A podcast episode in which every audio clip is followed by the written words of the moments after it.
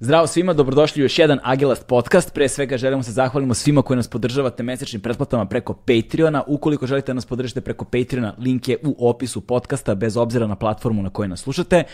Želimo se zahvalimo svima, svima koji nas podržavate donacijama preko Paypala. Ukoliko želite jednokratnim donacijama da nas podržite, link je u opisu podcasta. Takođe to važi isto za kriptovalute, blockchain, Ethereum, linkovi su vam u opisu podcasta. Želimo se zahvalimo našim partnerima iz Volta. U pitanju je sajt za kućnu dostavu, kao što znate napravite profil na Voltu, uh, iskoristite promo kod Agelast i ostvarite 600 dinara popusta na prve tri poručbine, to jest 3 puta po 200 dinara na prve tri poručbine. I želimo naravno kao i uvijek da se zahvalimo našim dragim partnerima iz Red Bulla, hvala vam puno na podršci koju nam pružate sve ovo vreme, znate koliko nam znači. I to bi bilo to što se tiče uh, servisnih informacija.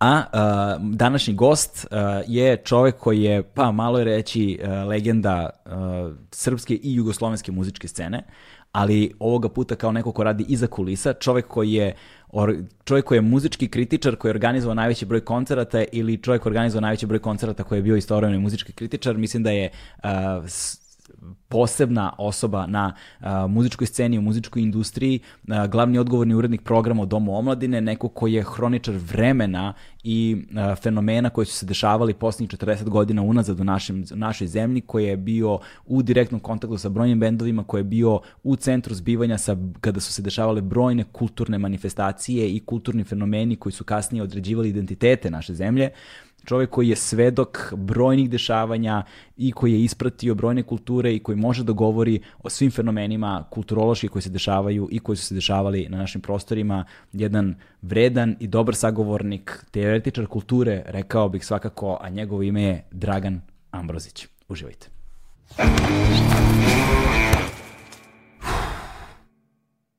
Hmm.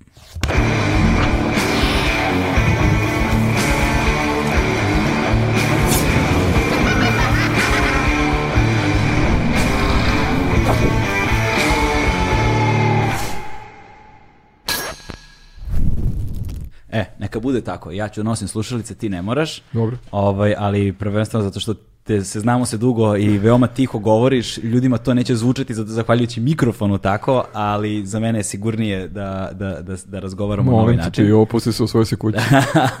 Između ostalog. Um, pre svega, hvala ti puno što si došao. Hvala na pozivu. Ovaj, uvek je zadovoljstvo razgovarati sa tobom, uh, profesionalno ili ovaj, uh, drugarski ovako. Mi smo i radili zajedno i sarađivali A i pričali onoliko. onoliko i družili se i sve, i sve ostalo i mislim da je a, sada pravi trenutak da sve te naše silne razgovore nekako sumiramo u nešto konkretno a, zato što se dešava jedan vrlo specifičan trenutak a, u Beogradu i u Srbiji uopšte, a to je da polako ali sigurno a, institucije kulture, kad kažem institucije kulture ne mislim toliko na zvanične institucije koliko mislim na fizičke prostore koji okupljaju nezavisnu umetničku scenu, a, nestaju. I a, sad sa gašenjem Bigza je zapravo bila inicijalna kapisla i mislim da nam je to dobar početak razgovora da objasnimo šta je Biggs, zašto Biggs, koliko je Biggs zapravo važan i koliko su ti fizički prostori važni za kreiranje nez, nezavisne umetničke scene i koliko je zapravo nezavisna umetnička scena važna za kreiranje ono ne samo kulturni dominanti nego i budućnosti jedne zemlje, jednog naroda i da su da je zapravo ta umetnička avangarda koja se nalazi u tim prostorima, koja se tu poznaje i stvara nukleus kreativne energije i nekakvu silu osovina koja pokreće sve, ovaj, ono što a, određuje gde ćemo biti sutra. I da bi se oni uopšte našli, da bi stvorili tu energiju, svi od uvek su morali da se nalaze u nekakvom fizičkom prostoru, nekakvo zborno mesto je moralo da postoji. Da li je to, a, kroz istoriju su ta mesta od uvek postojala, da li je to bio Zlatni papagaj, ili je to bio SKC, ili je to bio KST, ili je to bila akademija, ili je to bio dom omladine, govorimo sad o Beogradu, svaki grad ima svoje i nekako se stiče utisak da je Beograd pomalo izgubio taj duh Velegrada u kontekstu onoga kada, ljudi, kada su ljudi nekada ranije pisali o Beogradu, pa kao kada prvi susret sa Beogradom, dođu u Beograd, pa sad šta, šta je to što Beograd sve nudi? Nekako se dešava da je toga sve manje, nudi sve više luksuznih stambenih kompleksa s jedne strane i sve manje kulturnog sadržaja i takva situacija nije slučajna zapravo na to, to se na tome kao da se nekako aktivno uništava taj kulturni život I sad sa gašenjem Bigza i sa činjenicom da je matrijaršija izgorela, ovaj, mi zapravo imamo jedan veliki problem o, sa time da nezavisna umetnička scena nam je ostala bez krova nad glavom. Između ostalog. Je sada, um, šta je Biggs i zašto je Biggs ono, toliko važan bio? Hoćemo datle da počnemo. Možemo, da. Ali prvo da objasnimo kao kom si sad ti mene svojstvo ovde pozvao. Zapravo ja sam tu negde 30 godina verovatno novinar koji uradio, muzički kritički koji uradio najviše koncerata ili organizator koncerta koji je napisao najviše kritike muzičkih tekstova. Da, Isto vremena. Mislim, ta, to je jedinstvena pozicija, nema druge takve priče, mislim, i u bivšoj Jugoslaviji. Ove, ali ono što hoću da kažem da sam ja zapravo sa obe strane vidio taj posao i prateći muzičku scenu kao kritičar, neko ko intervjuše ljude, uh, imao sam jedan ugao na stvari, a ovi drugi kao organizator koncerata, ovaj, sasvim drugi. Ovaj, ta kombinacija mi daje jedan jedinstven uvid zbog koga verujem da si ti mene pozvao ovaj, da pričam o tome, ali sem toga tu sam dugo, pa onda mogu da svedočim u promenama koje su zadesile Beograda, posebno kad su u pitanju mesta o kojima govoriš. Uh, da se sad vratim na tvoje pitanje. Znači, uh, prosto nekako identitet kulturne scene i bilo kog zbivanja kreativnog vezane za neke lokacije, vezane za neka mesta, a, ne samo kod nas, negde, negde e, svuda u svetu je prosto to tako. To kao da je deo identiteta biti na određenoj lokaciji. Ona je nekako deo nekog kulturnog zbivanja, nekog procesa, nekog umetničkog pokreta i tako dalje. Tako je stvarno u istoriji Beograda, evo, SKC bio se, pre, prvo je bio dom omladine, gde ja sad radim kao odgovorni urednik, 60. godina, ta neka krovna kuća za rock and roll. Prvo je dignuta u stvari verovatno sa nekom drugom namerom da se ta neka omladinska podkulturna scena malo ovaj, kontroliše, odnosno da bude pod nekim monitoringom, ali e, kad je otvorena, onda vrlo brzo su tu ušli rock bendovi i vrlo brzo je to počelo da se razvija u nekom autentičnom smislu, da nekako postaje kuća rock'n'rolla. 70. godina kad je otvoren SKC, uh, verovatno ima sličnu namenu. Ne zaboravite da sad za te dve institucije koje su obeležile kulturni život i uh, na neki način doprinule donošenju nekih novih umetničkih uh, tendencija i kreativnih ideja uopšte u Beogradu, Srbiju i Jugoslaviju, da se nisu mladi izborili za njih realno, nego ih je nekako sistem dao mladima. Nemojmo to da zaboravimo zbog neke kasnije priče. Ove, SKC je naravno omogućio da se neka avangardna razmišljanja umetnosti pre svega kod nas pojave, predstave na pravi način i da postanu deo nekog gradskog kulturnog miljeja. Pokazalo se da su to vrlo uticani umetnici bili, vrlo uticani bendovi uh, i sve skupa ostalo, to je ostalo dubog trag. Tokom 80. godine prvo je krenuo klub fakulteta likovnih umetnosti, odnosno akademija, sa jednim još avangardnijim više i underground konceptom koji je ukrstio uh, još uh, integralnije umetnost i muziku i to je doprinalo da, da imamo četvu generaciju muzičara i ljudi koji su odrasli na akademiji. Tokom 90. godina i ono što, što je rađeno u KST-u uh, je na neki način doprinalo popularizaciji rock and rolla na tom nekom nivou. Među vremenu su imali Dom omladine SKC jednu zanimljivu utakmicu, jedno, ta, jedno, jedno divno takmičenje ko će dovede bolje bendove, ko će imati bolje koncerte tokom 80. godina, uh, jer je SKC isprednjačio sa ovim novotalasnim bendovima, smelim stranim koncertima i tako dalje tokom 80. godina, dok je Dom omladine ostao u toj sferi nekog klasičnog rock'n'rolla, ali je napravio ozbiljno ime preko Beogradskog jazz festivala, blues scena Beogradska se tu ovaj, takođe formirala, uh, uh, da bi do kraja 80. godine jedni i drugi našli da je zanimljivo da radi ozbiljne strane koncerte. Uh, akademija je tokom uh, kraja 80. i tokom 90. godine, ja sam bio tamo programski urednik sa posebnom studentskom upravom od 94. do 96. godine, trudila se da živi sa rock scenom i da nekako uh, svim bendovima koji su, koji su bitni koji donose nešto novo da tu šansu. Isto tako kao i što je KST radio malo komercijalne, popularnije programe, ali to su bile neka, neke redovne baze za, za rock muziku i kroz njih si mogu da izrasteš kao muzičar, kroz njih si mogu kao band da narasteš polako da bi došao do SKC-a i Doma omladine. Uh, mada Doma omladine ima tu specifičnost da ima tri prostora, realno ima mali klub u kome su mnogi počeli, ima uh, danski salon, nekadašnji sadašnji Amerikanu koji je vjerojatno najbolji klub trenutno u gradu ovaj, sa ugrađenim naravno ozvučenjem i osvetljenjem i ima veliku salu koja je sad za, za sedenje, ali ti prostori su nekako bili uh, mesta na kojima si uh, mogu da pratiš razne muzičke scene i oni su bili kao kulturni centri, odnosno klubovi studentski klubovi, ne zaboravimo, znači klub studenta tehnike i klub fakulteta likovne umetnosti. Takođe nešto što je mladima nekako bilo dato, do duše realno FLU i KST su nekako osvojeni bili od strane uh, uh, ovaj, ekipe koja je htjela da organizuje tamo zbivanje nekako osvojeni od publike, ali to je bilo negde pola-pola. Nije bilo onakvih klasičnih slučajeva kao što je u Berlinu, Njujorku i drugim velikim gradima, Londonu, Parizu, da su mladi zaista osvojili neki prostor, skvotovali tamo, od toga napravili autonomni kulturni centar i onda od toga izgradili neku kulturnu scenu, neku umetničku priču koja je popuno mimo sistema. Kod nas je jedino što je moglo da funkcioniše unazad, znači decenima, bilo to, mm, to je nekako divlje privatno javno partnerstvo zapravo. Kao da te u javnom prostoru tolerišu sa tvojim privatnim nekim idejama i puštajte da što što hoćeš. I nekako je to nas izvlačilo uh, jer je gomila tih nekih ideja. Beograd je uvijek bio pun jako kreativnih ljudi sa vrlo originalnim idejama i to me stvarno prednjačio u Jugoslaviji, jer ovo je veliki grad. Moraš nekad da budeš malo lud i da prelaziš granice da bi to uopšte primetili u tvojoj ulici. Ovaj, pa su i naši bendovi recimo bili prilično takvi kad se uporede sa ostalim bendovima iz Jugoslavije. E, prosto jako je e, bilo važno da imamo ta mesta koja su dovoljno fleksibilna da i dovoljno sa dovoljno smelim urednicima da gurno takav stvari da pusti da se vidi u kom smeru oni mogu da rastu. Publika odrastala zajedno sa tim bendovima na tim mestima i e, nekako smo tako imali vrlo zdravu, živu rock scenu tokom 80. i 90. godina gde je bilo stvarno je bilo uh, godina kad je sve vrcalo od ideje novih inicijativa, novi koncepata umetničkih i tako dalje. Znači, ta četiri mesta su neka osovina oko koje su 80. i 90. godina okretao Beograd.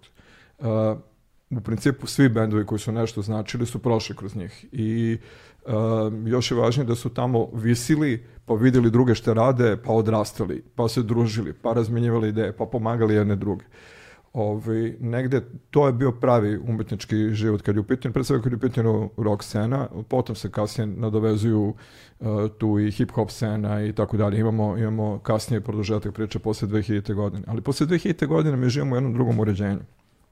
Uh, pošto smo u kapitalizmu, onda od uh, 2000. godine definitivno, ovaj, tu su sad druga pravila striktno tržišna pravila koja prosto nam dolazi iz sveta i, i poravnavaju pred sobom sve ovo što smo mi znali nekad. To više nije ista, uh, ne živimo više u istoj kući, ne više, nisu više ista pravila. Uh, drugačije je vlasnik stana, uh, drugačije su pravila, drugačije se plaćaju računi, sve je drugačije, prema tome ono što sad mi imamo trenutno je jedna situacija koja nije ranije bila poznata, bar ne našim ovaj, umetničkim krugovima, u kojoj e, bez pomoći državnih struktura oni moraju da se izbore za svoju stvar. I to je opet na neki način priča koja tek treba da nekako se osvesti, bar po meni ovde. Ja i dalje susrećem ljude radeći u domu omladine, mlade ljude koji stvarno pokušavaju nešto da urede svoje i sve što može da uredi jedan gradski centar kao što je dom omladine mi radimo. Mi smo to kapacitete kog, kog jesmo i mi možemo bendovima koji mogu, koji su dorasli do određenog profesionalnog nivoa, da damo priliku i to i radimo i pokušamo stvarno da izvučemo iz undergrounda uh, razne stvari koje su stvarno dobre da ih predstavimo nekoj široj publici, jer Dom omladine baš to, to je čvorna tačka između mainstreama i alternative. Ti ono što je kvalitetno iz alternative može da izvučeš, da predstaviš tu na velikoj sceni, nekoj većoj sceni, da to bude vidljivo iz mainstream medija. Drugi manji kulturni centri, privatni, koji sad, hvala Bogu, postoje svuda po gradu, ovaj, možda nemaju toliku vidljivost. I Domolodin jednostavno treba da nastaje da igra tu ulogu koju, koju je igrao uvek, ne treba ništa iz, izmišljamo nikakvu toplu vodu, da znamo da odaberemo dobar program, da ga dobro produciramo u tehničkom smislu i da ga dobro promovišemo. I to je jedna uh, stabilna vertikala koja postoji unazad decenijama u muzičkom životu pa i kulturnom životu grada to mora da postoji kao takav kulturni centar. Ovo ti sad pričam zato da bi ti objasnili, da bismo objasnili kakva je razlika sa ovim drugim inicijativama. Ali dom omladine postoji pa postoji i to je jedna stvar koja, mm, u kojoj se uliva gradski budžet neki, daleko od toga da je sve pokriveno, mi moramo ozbiljno da radimo svakog meseca na tome da a, doprinesemo u financijskom smislu daljem opstanku i radu Doma omladine, stvarno mi se koliko god možemo orijentišemo na to da iz onoga što su neke nove inicijative i kvalitet umetnički izvučemo nešto što je najvrednije i da pritom obstanemo ovaj, ovako, ka, ovako kakvi jesmo kao ovaj gradska ustanova na budžetu. Međutim, ostatak uh, scene, veliki deo scene koji sad postoji, uh, m, koji nam dolazi do doma omladine, nekako kao da nije u stanju da shvati jednu, jednu činjenicu koja je po meni bar osakatila brojne generacije, a to je da uh, niko nije tu da financira umetnost. Niko. Mislim, uh, ti ako uzmeš da sedneš da niko nije u obavezi tu da radi, nikog to ne mora ni da interesuje stvarno. Ti ako sedneš da radiš ono što je meni najdraže, to je pisanje, moraš da zaradiš za papir i za olovku. Moraš. Znači, to sve Ne. nešto košta. Čak i tako autorne stvari kao što je slikarstvo, da je sam čovjek sa platnom, dosta koštaju. I to nekako kao da ljude ovaj, baca u konfuziju, kao da su naučeni iz nekog pređašnjeg sistema, da neko to njima mora da finansira. To nije tako više u ovoj zemlji i neće tako više biti. To je prosto stvar koja od 2000. godine je novo pravilo u gradu. Moraju da znaju da moraju biti svesni, da jednostavno ne mogu da se upuštaju to ako nisu svesni kako će da zatvore finansijsku konstrukciju za bilo šta. Ne znam, ja sam iz tog sistema, ja sam živao veći deo života u stvari u Jugoslaviji, s obzirom koliko imam godina, ovaj kad pogledam, ipak sam još uvek malo više pola života proveo u, u SFRJ baš. I nije me e, taj sistem, ja sam sve ne bio svestan da to nije moguće kad sam počeo da radim. Tu nešto nije u redu. Ne možeš se oslanjati na to da će ti država dati sve. I sad kad se i dom omladine i budžete. Ne možeš se oslanjati na to da će ti država pomoći da ostvariš te svoje snove. Ne. Ti imaš, brata, ako si stvarno umetnik, neku muku u tome što moraš da se izraziš na neki način. I tu nema ko da ti pomogne. Tu si sam sa sobom. Sedni, napravi računicu i vidi na koji način ćeš ti to da uradiš, pa onda idi dalje pa pokušaj to da ostvariš. Od toga sve počinje. Znači sve počinje neke muke. Između ostalog i taj novi talas čiji 40 godina ovaj obeležamo zahvaljujući tome što je paket aranžman objavljen u februaru ove godine. I on je nastao iz neke muke, zato što neki klinci nisu zapravo imali gde da prezentuju to, da predstave svoju muziku, nisu imali gde da se okupe i tako dalje. Oni su zapravo jedan mali džep u, u, u prostoru kulturnom iskoristili da se pojave, da se probiju. Iskoristili su jednu liberalnu atmosferu tog trenutka, bukvalno posle Titove smrti, 4. maja 80. godine i oma posle toga ti zapravo imaš prve koncerte novotalasnih bendova i oni polako osvajaju prostor. To je, bio, to je bilo na prepad. I realno posmatrano bilo je iznenađenje i neočekivano, ali ono došlo ne zato što je neko imao biznis plan, nego zato što je neko stvarno imao neku muku i tu muku je uspio da izrazi kroz svoju muziku. Ista stvar sa svim drugim inicijativama. Akademija ne bi dobila taj muzički profil i, i taj veliki značaj koji je imalo da nije bilo neke muke. Nešto nije moglo da se izrazi, nije moglo drugačije da se probije, pa je taj teren nekako osvojen. E, Sve do egzita. I exit je nastao na neki način iz neke muke, iz, neke, iz nekog pakla u kome neki mladi ljudi nisu mogli da putuju napolje, nisu mogli da vide svet, niko nije mogao da, i zato se zove exit, jer je to u tom trenutku kad je osnovan bio jedini izlaz za mlade ljude prema svetu. Taj način je bio zapravo u tom trenutku jedino da dovedemo strance ovde kod nas. I tako smo napravili tako je napravljen exit kao izlaz prema svetu tih četiri dana ko, gde su mladi upravili jednom teritorijom, jednim vremenom za mlade. Da, zapravo taj nulti je bio 100 dana, Da. to su bili studentski protesti na štrandu, toga. Tako je, ali- a posle, a posle prvih nekoliko, je, sećam se, bili, bili su trajali su 9 dana. Da. E, pazi, ni Biggs nije nastao takav kakav je da, bez muke.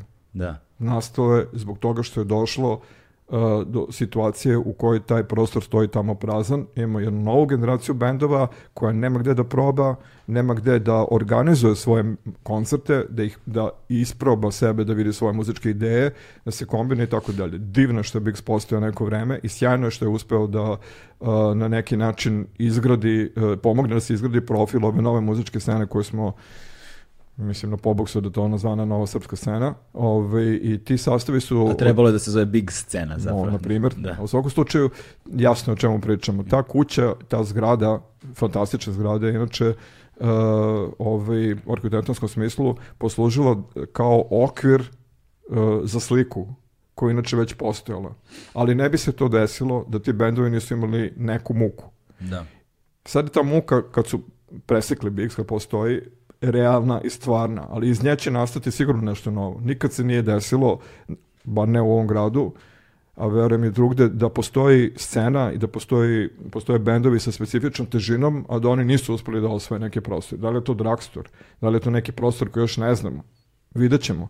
Ali pošto postoji mm, gomila bendova koji imaju potrebu da se na taj način organizuju, nešto će morati da se desi. Da li u partnerstvu sa gradom ili samostalno, to će tek da se vidi. Ali svakako, pošto postoji uh, sila koja dolazi od ozdo, potreba da se to desi, nešto će se svakako desiti bez problema. Pitanje je samo uh, da li to treba kanalisati, od ozgo uh, nadograditi ili će to samo od sebe prosto se razliti i, i osvojiti neki prostor. Ja sam svedok raznih tih scenarija i vidio sam i jedno i drugo, kad je to pomognuto bilo od ozgo, Znači, a isto tako kad su prostori bili osvajani sami od sebe. To i jedno i drugo ima neke svoje posljedice, a, nekako si ti ipak sam sebi odgovoran kad osvojiš neki prostor i kad imaš a, tu obavezu da odgovaraš za, sam za sebe, nekako odrasteš brže, a sa druge strane neke stvari se brže razvijaju i brže odvijaju ako dobiješ neku pomoć od ozgo verovatno je istina negde da sredini treba naći neku polovinu puta i uh, iskombinovati tako da umetnici ostanu to što jesu autentični, originalni i bez ograničenja, a da neko sa strane ipak pripomogne da se te stvari uh, lakše odvijaju, jer niko u stvari nema mnogo vremena, realno. Da. Danas se stvari toliko brzo odvijaju, da niko nema vremena da se razvija dve, tri godine da dolazi da osvaja jednu prostoriju, po drugu prostoriju, po treću prostoriju, nego bi bilo moje mišljenje, stvarno jako dobro kad bi se našla negde polovina negde puta i uz nečiju podršku, uh, nadamo se iz grada, uh, ovaj, treba pomoći celoj toj ekipi koja je bila tamo da nađe lokaciju koja će biti uh, izraz njenog identiteta i na neki način uspeti da, da, da nastavi svoje priče koje je tamo funkcionisalo u Bigsu, za kojeg sam inače vezan, čak i lično, to sad malo ljudi znali, ovaj, u Bigsu sam sve vremena dobio svoj prvi honorar, ono, to je nevjerojatno, ali mislim, i nije nevjerojatno, ja sam počeo pišući, bilo je sve vremeno ta neka, uh, ovaj, bio konkurs za naučne fantastične priče koje je raspisala Galaksija, odnosno časopis Andromeda, i ja sam sa 15,5 godina posle priče dobio nagradu tamo, nagradu, jedna od deset otkupljenih sam bio i dobio sam svoj prvi honorar, neću nikad zaboraviti 100.000 dinara, mislim, sa 15,5 godina. 100.000 dinara u današnjim dinarima je... Pa ne znam, vjerojatno 10 evra, ali nije to, nije to uopšte, kad imaš toliko malo godina da, malo. E sad između... A što se tiče samog Big za doprinosem i toj mitologije i tog mesta, onda kad sam, kao što znaš, ja sam se uglavnom bavio dovođenom strani bendova i to mi je recimo ovaj, omogućilo da budem u situaciji da se nađem pored Ivana Dent iz Lemonheadsa, onda kada se 2008. Ovaj, taj sastav posjetio, to je, bio sam onda, ta, onda u organizaciji tog koncerta, to je bilo na Tašmajdanu, kad su svirali Danisa Junior, Iggy Pop, Stooges, Lemonheads i Party Breakersi, uh, ovaj, u svakom slučaju dan da je ostao ovde na dva, tri dana posle i hteo negde da svira, pa smo ga, mislim, baš sam ga vodio tamo do Bigza i tamo je bio jedan mali session na kome on lupo bubnjeve pa na kraju polomio gitaru jednu i tako to.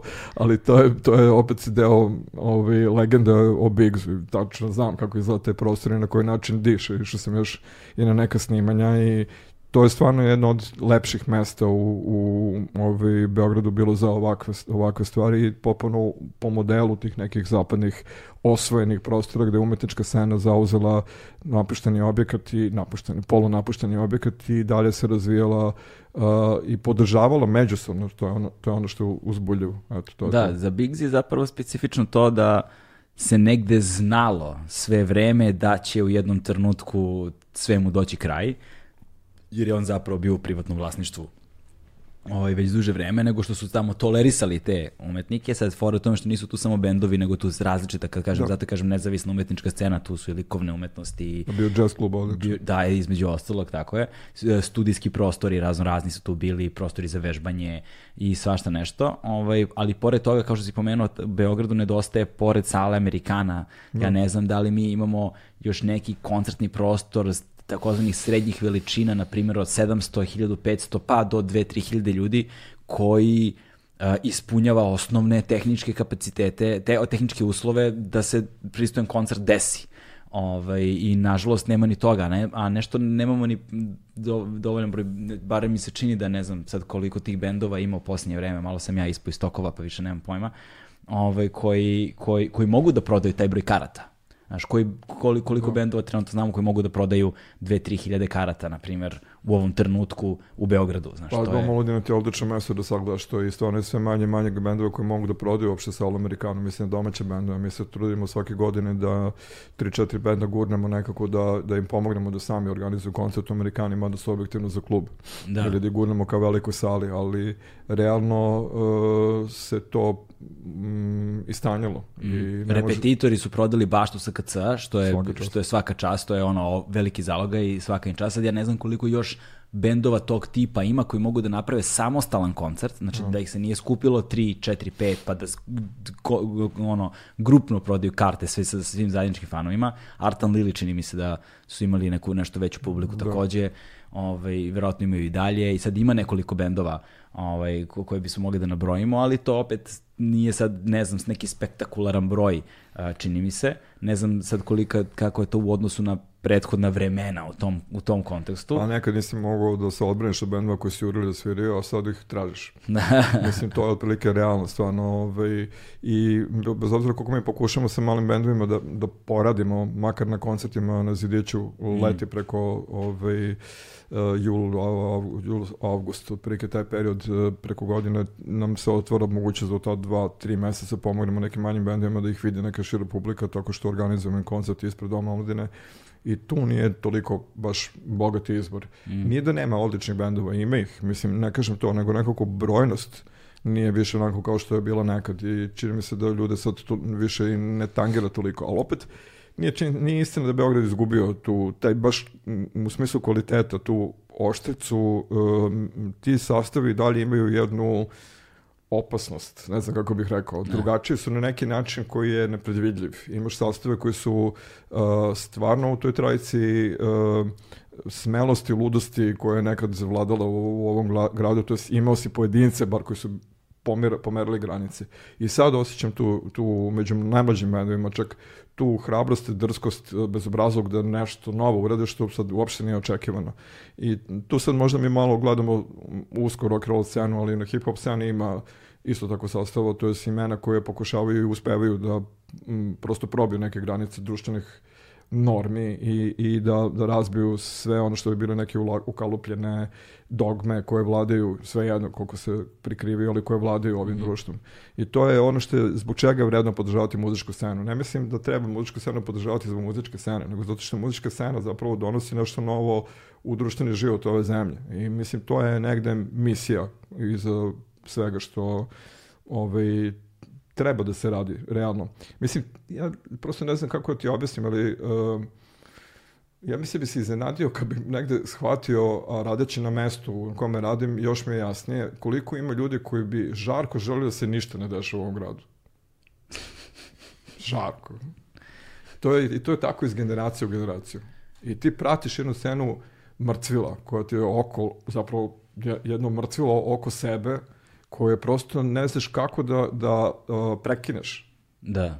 I to je ista situacija u kojoj su bili novotalasni bendovi. Mislim, ja sam ta generacija. Mislim, dobro, tad sam sedao, skupljao ploče, vredno, proučavao muziku, ovaj, pisao, studirao psihologiju i tako dalje. Ovaj, ali poenta je u tome bila da ja jako dobro se sećam te situacije u koje svi- su svi bili protiv toga da se išta dešava, što nije kontrolisano, nadzirano i uh, kontrolisano. Da. A, nije se mnogo promenilo. Da, ne. I apsolutno nemoj... To je nemoj- jedna konstanta. Nemojte da se zavaravate da, da, će, da će to tek tako lako da, da, da prođe. Uh, I zato je svaki strani koncert koji dovedemo na neki način um, ohrabruje nekog drugog da nešto drugo uradi. Svaki taj strani koncert je kao intervencija iz nekog uh, stvarnog sveta u kome mm, i oni imaju svoju muku. Ali su se oni možda bolje organizovali i imaju više sreće, pa su uspeli da izraze i našu muku na neki lep način koji govori o našim životima, pa zato treba dovesti sve te strane bendove. Svaki strani bend kog smo doveli, kog sam se ja bar trudio da dovedem, je na neki način davao mm, ljudima ovde neku vrstu mogućeg drugačijeg životnog scenarija. Mm. Dao mu neku ideju, neku šansu u životu da osmisle sebe na neki drugi način. Tako da ja, e, to se odnosi i na, na alternativne rock bendove, i na jazz bendove, i na hip hop bendove, i na DJ-e. Svaki ti donosi neki drugačiji koncept života kog ti nemaš ovde. I to remeti plan svim onim ljudima koji žele da se ovde nikad ništa ne dešava. A to nije naša boljka samo. Pričao sam sa kolegama po konferencijama muzičkim širom sveta. Isti problem svuda. U Australiji i u Kanadi. Isti problem i tamo negde u, u zemljama Istočne Evrope. I tamo postoji prosto pritisak da sve bude iznivelisano i da sve bude isto i da se ništa, ne, da se niko ne uznemirava. Da. A, u nekim društvima je to čak toliko prisutno kao društvena norma da o, čini mi se da mladi ljudi jednostavno nemaju ni šansu da urade. Mi smo u stvari mnogo uradili kad pogledaš u poređenju naroče sa o zemljama bivše istočne Evrope, ovaj, a uopšte nismo loši čak kad se poredimo i sa nekim zemljama zapadne Evrope. Samo, samo mi nismo mnogo veliki. Da. I to je jedna stvar i mnogo smo neuređeni. Dok shvatiš šta se ovdje zbiva, to je... Mislim, jeste to lepo, na neki način se mi i dalje bendovi nekako kao da smatraju da je njihova obaveza da se nekako porodično podrže, pomognu i tako dalje, ako su ideološki bliski i slični. I to je ono što je vrlo lepo među, među muzičarima ovde i na hip-hop sceni i na alternativnoj rock sceni, čega je Biggs recimo pravi izraz. Svaka, svaki te lokalitet kog smo pominjali, u stvari na neki način negovao tu vrstu bratsko-sestrinskog odnosa među bendovima i među, među ljudima. A, Norma je da se to gradi i da se to na neki način među bendovima sa, na samoj sceni podržava. I to je strašno važno da ta scena muzička ostane, ob, obst- opstane, održi se i doprinese društvenom životu ovde kao model za nešto drugačiji e, životni scenario ovde. To je po meni glavna stvar. Kad odiš na Exit, mislim, ja sam od 2003 oko glavne bine, svaki band koji smo dovodili na, na, na glavnu binu bio je kao model za nešto što nisi imao priliku ovde da vidiš. I svaki je zapravo predstavljao proboj ne samo u, u poslovnom smislu, što smo ga doveli uopšte, ne, nego u umetničkom smislu, ali ima jedan dublji uh, značaj koji mislim da mladi ljudi osjećaju, mada možda nisu u stanju da sve to verbalizuju, uh, da, da im to donosi nešto novo u život. Neki moment kog nisu sanjali da će moći da dožive. I do, uh, organizujene strane koncerta kod nas je dali herojska aktivnost i vrlo društveno angažovana aktivnost zapravo. Vrlo sam svestan toga. Da, zdo- da, znam da jesi, zato ti kažem, pričali smo o tome. To i Da. dalje, to i dalje uh, i da nećeš, to je aktivizam. Jeste. Čak sa političkim nekim značenjima ovde kod nas. Tako je, tako je. Mislim, do, organizovao, organizovao sam ja ono dosta nekih, nekih koncerata pa sam se susretao sa time. To se dešava kao, to se doživljava kao aktivizam vrlo često kad dovodiš i bendovi iz regiona, odnosno sa prostora bivše Jugoslavije, a kamoli kada dovodiš nekakve, i, a ne da bože politički akt- aktivne, Aktivne bendo- bendove. to je onda već posebna kategorija.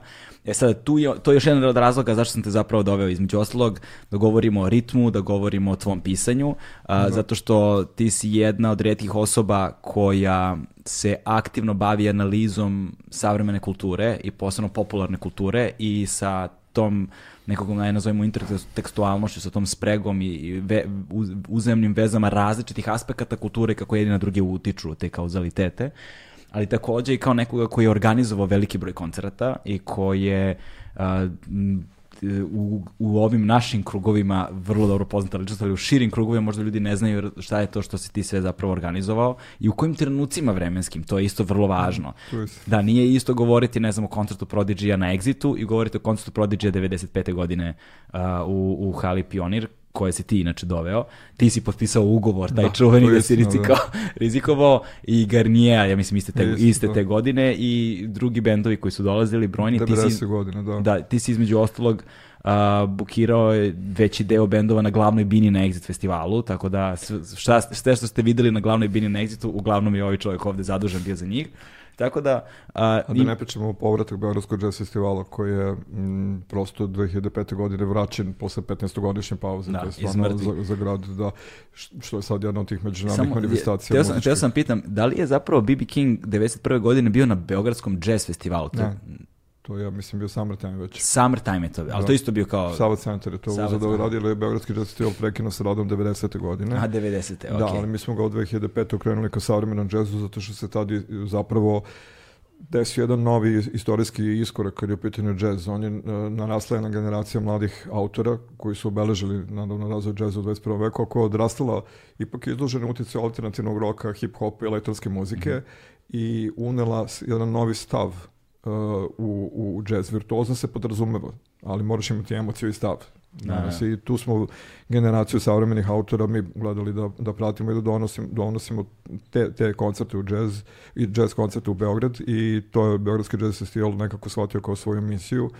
Sa tim mislim da smo zapravo privukli mladu publiku. Jer mi Mhm. smo jedan po publici, svakako to ne kažemo mi, nego strani novinari, jedan od najmlađih festivala. Ovaj, kod nas mlada publika ranga 23-40 godina osjeća jazz ovaj koji mi dovodimo kao svoju muziku. I to je bila poenta. Drugačije ne bi ni... Da, ja sam na Beogradskom jazz festivalu prvi put čuo Red Snapper.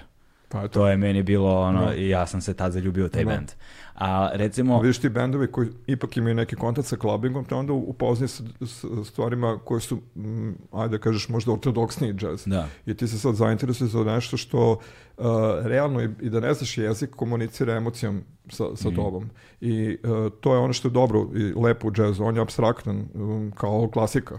I, uh, ali to vrhunsko sviranje kod njih u ovoj novoj generaciji džezova mora da ima neku sv- svrhovitost, neki stav iza toga, neku emociju i to je ono što mladi ljudi sad prepoznaju kao džez koji govori nešto o njihovim životima to je vrsta autora koju mi najviše volimo da dovedemo na, na Beogradski jazz festival i to je ono što smo uspeli da uradimo i nekako smo to pretvorili u svoju emisiju. Da. Sad. E sad, između, e sad još, jedno, još jedan od razloga brojnih, dakle, za, za, zašto sam te doveo da razgovaramo i to je još jedna tema koju ćemo se dotaći i mislim da je ona negde možda najbliža publici koja prati, o, a to je da svaka generacija je imala svoj, svaka generacija ima problem generacijskog jaza. Svaka. Svaka generacija ima to i sa svakim e, žanrovskim odrednicama, pošto su žanrovske odrednice bile do skora zapravo glavna ono odlika i glavna, glavna tačka e, preseka e, između generacija. Sada su žanrovske odrednice prestale da budu nešto manje, manje, su važne, skoro nepostojeće, ali su opet ti jazovi su sve veći i veći zato što se desio nekakav tehnološki skok, tehnološki napredak i desio se promena u psihološkoj konstituciji mladih u odnosu na, na starije generacije. Nekako je taj jaz sada još uočljiviji prosto zato što se e, izgradio među ljudima koji su generacijski jako blizu. Znači, vidjet ćeš ljude od 30 koji ne vole ljude od 25, znaš, kao to, to, to, to prosto ranije nije bio slučaj, znaš, uvijek je bilo to mi mladi i mi stari, znaš. Ovaj, a, ali tu se desila još jedna vrlo zanimljiva stvar um, i o tome, smo, o tome smo razgovarali nas dvojica i to mi je nešto to mi je baš zapravo zanimljivo i volio bih možda eto, da počnemo od toga sada.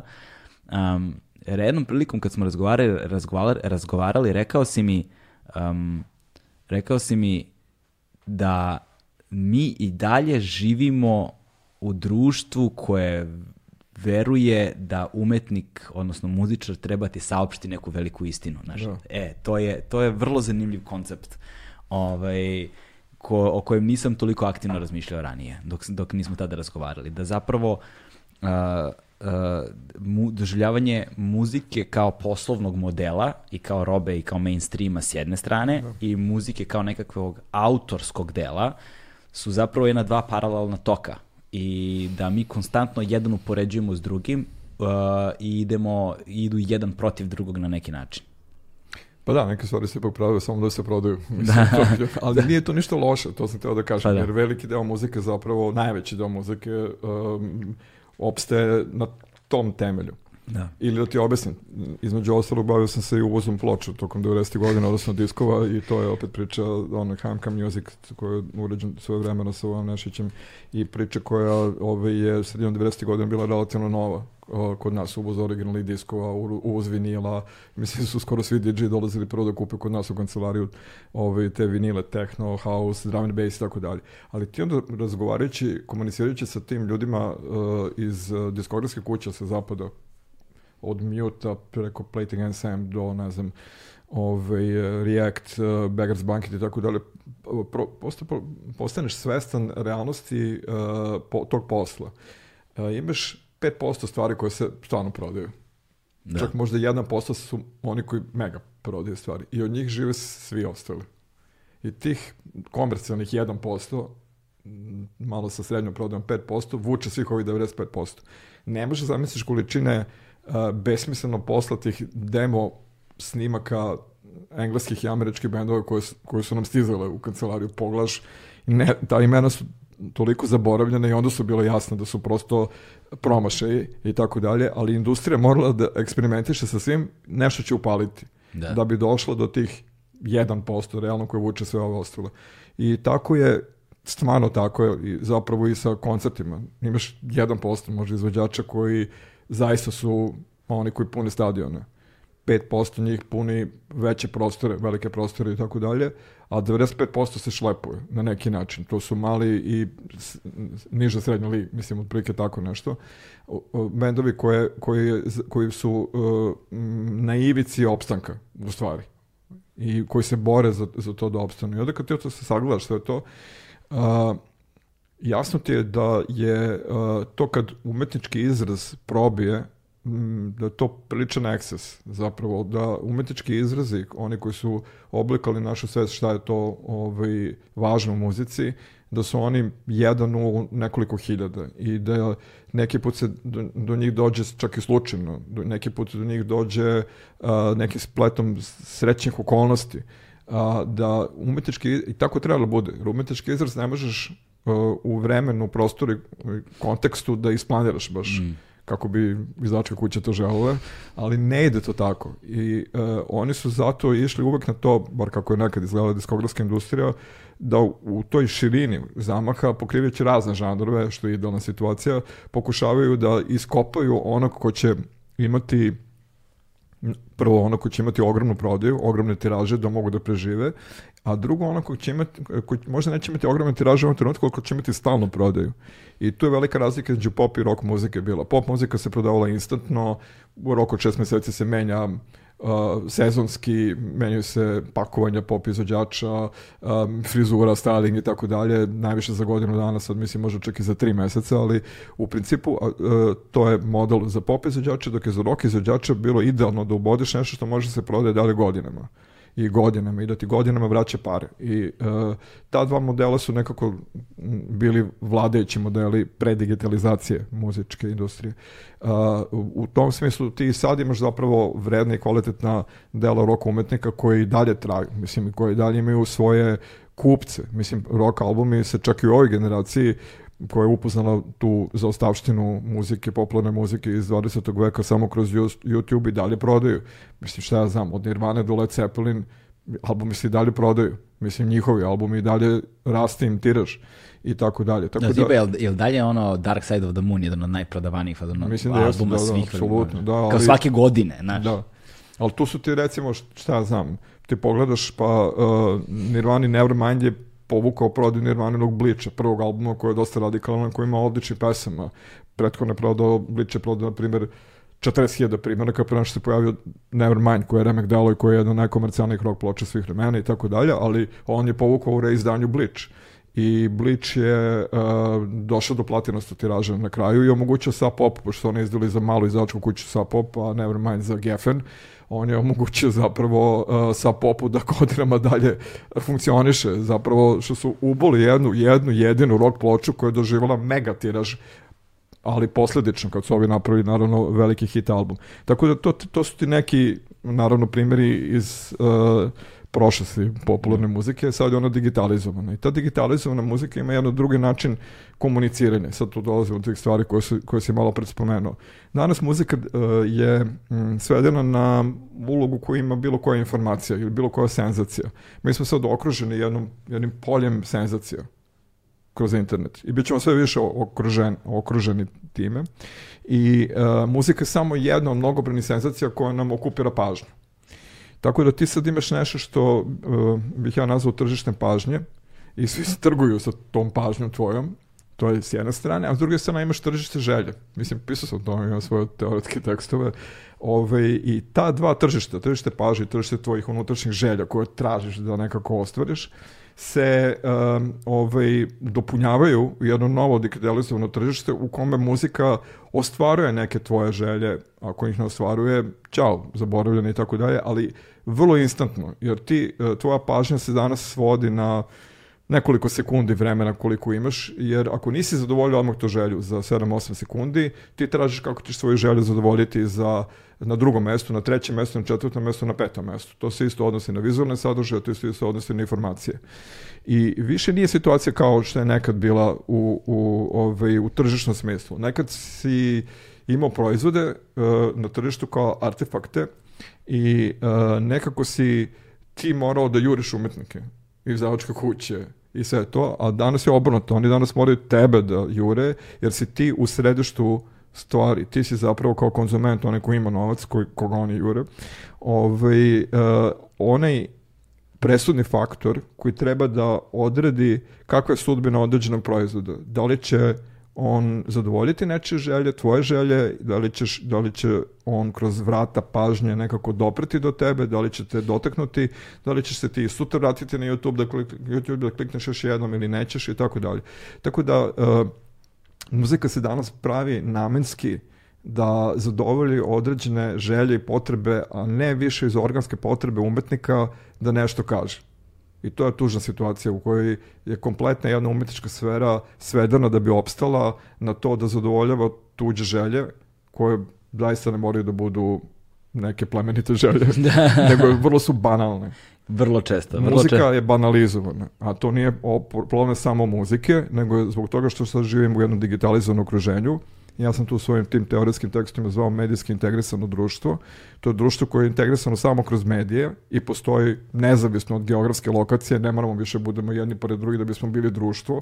Sad smo društvo iako smo na različitim geografskim tačkama i povezani smo i zajednice smo i funkcionišemo preko kodova koji su, gle čuda, skoro svi preuzeti iz pop kulture. Ove, ovaj, kad znači komuniciraš emotikonima, kad komuniciraš uh, raznim uh, simbolima preko e-maila, kad komuniciraš na bilo koji drugi sveden način, ti kodifikaciju zapravo zasnivaš na nekom obliku pop kulture. E sad, to je jako interesantno. Mi sve više postajemo pop kulturalizovani kao pojedinci, kao individue, kao ličnosti i gledamo da komuniciramo u pop obliku, pop formi da bismo bili prepoznatljivi u društvu uopšte. Tako da ljudi počinju sve više da liče jedni na druge, da bi uopšte komunicirali. Znači imaš dredove, recimo, tačno se zna koja ekipa je tu. Obuko si se ovako ili si se istetovirao onako, komunicira određena ekipa sa tobom i ti si u, s njima u zajednici, ali ono što je sad tu loše, mm, što tu dolazi do jedne nivelacije kad su u pitanju stavovi, razmiš, način razmišljanja i tako dalje. Znači, ako si obučen na određen način i izgledaš na određen način, od tebe se očekuje da si veganovac. Da. ako si na onaj način obučen, da se od tebe očekuje da, ne znam, ideš uh, svaki dan u crkvu i tako dalje. Nemoguće je prosto da bilo, kakva, bilo kakvo odstupanje od normi u tim zajednicama koje su preko digitalizovanog, digitalizovanih društvenih odnosa unete u naše živote. Sve se manje smanjuje taj pro, sve se smanjuje više taj prostor slobode u kojoj ti možeš da budeš to što jesi, lud na svoj način, otkačen, malo da drugačije razmišljaš, pa i da se promeniš na neki način, to, to postaje sve uži prostor i uh, nekako kao da ta mogućnost da se izraziš na neki način polako neste na drugačiji način, neste iz društva. Pa pogledaj, recimo ti pratiš određenu vrstu muzike, to je dakle počinje priča na YouTube i onda ti YouTube sam po sebi servira aha, ako voliš ovo, voliš i to, to, to, to, to. Tu su sve iste stvari. Ne daj Bože da nađe nešto popuno suprotno od toga. On, on misli da ti nije dovoljno okupirao pažnju na svom kanalu on mora da ti provali koji je tvoj fazon i da ti da što više istog. Ali nije to najgore. Najgore što se ljudi tako konformizuju i pristaju na takve scenarije i umesto da istražuju nešto novo, e, sami sebe izmene, da rade na sebi u tom smislu što će da iznenade sami sebi i da kažu čekaj, reći se nešto sasvim drugačije, sve više u stvari pristaju na takav životni scenarij i kažu pa što bi se ja mučio, pa evo sve mi je već servirano, imam tačno svuda muziku koju želim i to mi totalno odgovara. Nije to tako samo u umetnosti i u kulturi, nego i u politici. Mm. I ti onda imaš nedostatak drugačijih društvenih scenarija. I ti imaš strašnu veliku opasnost u tome da mi nećemo sutra moći da rešimo probleme kad počne da se dešavaju u društvu, jer su svi rešili da ih rešavaju, da ih rešavaju na jedan isti način. Sad jedan primjer iz Doma omladine. Pre 7-8 godina smo uradili, hteli smo da uradimo tribinu sa uh, podnocima omladinske partije koje sad postoje na posle na sceni. Mislim da to ipak bilo pre 10 godina. I uh, naši Sam ja bio se, tu. pojma nemam više da li si bio tatu ili ne, ali Ne. fora je sledeća. Še, pre, uh, izvinim, ne znam stvarno da ne mogu setiti, da, mislim bilo 2010. na primjer, Da, ti si ja- bio možda malo Možda ja sam godinu dana 2011. kasnije. 12. Dakle. Evo što se desilo. Došli su predstavnici šest ili sedam podmada kao partija koje, koje su tad postojale. I svi su počeli, kad su držali govor, da govore jednu istu standardnu priču koju su naučili u nekoj političkoj školi za marketing. Da. Imao si šest različito obučenih, sedam različito obučenih mladih ljudi koji su svi pričali jednu te istu priču. Eventualno su se razlikovali, mi smo za put u Evropsku uniju, mi nismo za Evropsku uniju. Prike to bila razlika. Mnogo šta je bilo skoro 80-90% je bilo isto. U stvari, u svom sadržaju. Ne u način na koji sam pričali. Kad pogledaš ono što su oni nudili ovom društvu, sve je bilo isto. I onda smo shvatili da ne vredi to raditi. Da. Više, To se- to- nema nikakve debate, nema više, to je bilo 2010. koliko se osjećam. Znači, e, i to nije sad konkretno naš problem, to je svuda problem i zato su počeli da izniču ovi grassroots pokreti, to je razni društveni pokreti koji dolaze od ozdo, koji govore o nekim realnim životnim problemima, pokušavaju realno da ih reše, ta neka mikropolitika na lokalnom planu odjednom tuče ove velike društvene, društveno-političke koncepte koje partije pokušavaju da nametnu, a koji su sve sličnije jedni drugima. Od prilike kopije pobeđuju trenutno svuda, gde god pogledaš u muzici, uh, šire po kulturi i uh, ovaj, politici, jedan isti model kao da se samo umnožava. To je zbog toga što živimo u takvom okruženju sad digitalizovanom koje jednostavno ne može da funkcioniše ako nema Mhm. uh, jednoličnu prepoznatljivost i uh, prepoznatljivost koja ti omogućava da komuniciraš. I to je sad, ja mislim, veliki, veliki, veliki problem novi s kojim se nismo suočavali. On efektivno potire, potire građansko društvo, kako smo znali nekad. Uh, u tom smislu nama jednostavno više političari kakvi su bili nisu potrebni kao što nam nisu ni potrebni, zato se gubi značaj muzike kako je nekad bio. Nije nam potrebno sad više umetnik ili rock zvezda ko govori u naše ime. Zašto kad ti možeš da izađeš na internet i kažeš sve što misliš Tako i je. da nađeš svoje isto mišljenike. Više ti nije potreban taj posrednik. I prema tome, a to je ono čemu sam Frontmeni više nisu važni. ne, pa ali pogledaj kako se to odražava na političkom životu. Tebi više nije važan tvoj predstavnik, negde tamo više ljudi ne da nemaju poverenja, nego ne shvataju smisao više toga. A građansko društvo je i dalje zakonski okvir u kome mi živimo. Tu bi trebalo znači da budu uh, skupština, nezavisno sudstvo i mediji. Te tri stvari su sad samo poligoni za jednu te istu. priču. Razumeš, to je, i građansko društvo polako odlazi u istoriju. Ja to pričam, pišem, ja mislim o tome već 20 godina od kako sam postao svestan posljedica digitalizacije kroz muziku i te stvari uh, jednostavno kao da izlaze iz fokusa javnosti, kao da javnost ne želi da shvati da je takav scenario ne samo moguć, nego se upravo sad dešava. To je omogućilo Trumpa koji je upravo najvažnijom državom u, u svetu, bar po moći vojnoj i ekonomskoj, Twitterom. Da. Kako je došao do toga? Pa zato što zapravo smo povezani sad na drugi je način. zadužen i za arapsko proleće tamo 2011. jel tako? Istina, Da, to, to sve, i mi smo povezani sad na popolno drugi način, živimo na popolno drugom, u jednom popolno drugačijem društvu Mm. koje još nije uređeno. I to je zapravo polje političke borbe za budućnost. Ja I za mislim da, tranzicione profitere. pa i za tranziciju proferija. Ja mislim da to u stvari ono što je nekad bila radnička klasa, sad je potrošačka klasa. Ti u stvari kroz borbu za prava potrošača može pokriješ mnogo više političkih tema danas nego kroz borbu za prava radnika kakvi su, kako je to nekad A to izgledalo. je upravo zbog ove inverzije koja se desila u kojoj e, mi smo imali to polje slobode, uslovno rečeno fizičko i vremensko polje slobode, zato što smo mi morali da jurimo šta je ono što nam treba i onda smo mogli samo da odlučimo danas neću jurim sad te- ništa. A sad te jure. Tako je, dan, i onda si mogao da odlučiš danas neću jurim ništa, danas ću da ostanem kod kuće i ništa, ceo dan bude mir. Današnja omladina ima mnogo veliki problem drugačije koliko ja sad ovaj, imam uvid iz doma omladine, ali pojenta je u tome da su zasuti besmislenim izborima, milijardama besmislenih izbora i sad šta je tu u stvari ono gde je on to što jeste?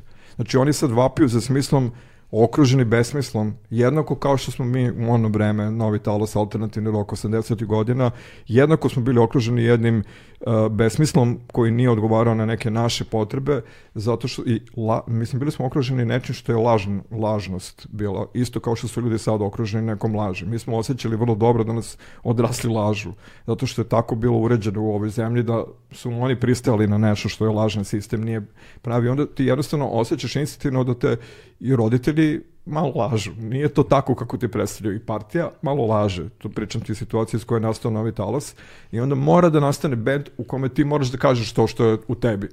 I danas je tako, samo da, tad je bilo, sad se činilo sve monolitne, monolitna vojska, monolitna partija, mono, monolitno je bukvalno bilo sve, porodica, nisi, imao si jedan u, utaban put kroz život, jedan ustaljeni scenarij po kome si mogao da živiš. Za devojke ovakav, za dečake ovakav. Imao si dva izbora možda, ništa više od toga nisi imao. I naravno da si morao da nekako, naravno to moralo da eksplodira. Bilo. Ili zanat ili fakultet. Srednja škola, vojska, fakultet, posao, ženitba, no je, znaš. Danas imaš milijardu izbora koji ništa ne znači. Jedna, jednako laž. Jer da. svi ti izbori kad ih svedeš, kao što rekao smo, svede se s tom jednoličašću na par tih izbora i tu isto nema, nije, nije to nešto velika, nije to neka velika razlika. Jednako u nekom smislu uh, psihološkom, da imaš problem sa tim kako sebe da izgradiš, šta da uradiš sa sobom u životu. I tu muzika može strašno puno da pomogne još uvek. Oni autori koji su i dalje hrabri i sme, smeli da rade nešto, ovaj, što je drugačije, ti daju, kao što rekao, mogućnost drugačijeg životnog scenarija. Bar ti daju mogućnost da sanjaš nešto drugo. A, a internet ubija maštu i ubija a, sanjanje tako što ti daju već gotove slike i pretenduje, pretvara se da je to tvoj san. Mm. Pokušati uvali ono što oni osjećaju da neka tvoja želja, igraju se sa tvojom željom koja je legitimna, i kažu ti, e, evo ti ostvarenje, da vidiš kako ovo izgleda. Tako je. I ti kažeš, hmm, znači to je to, a to nije to, jer to nisi ti. To je tvoj uh, doživljaj nečega što se vidio na ekranu. To nisi ti. Ti si to, kad kroz to prođeš iz nekog svog unutrašnjeg razloga, iz neke muke. Iz nečega što te nešto nataralo da odeš, da probaš, da rizikuješ i uradiš nešto svoje.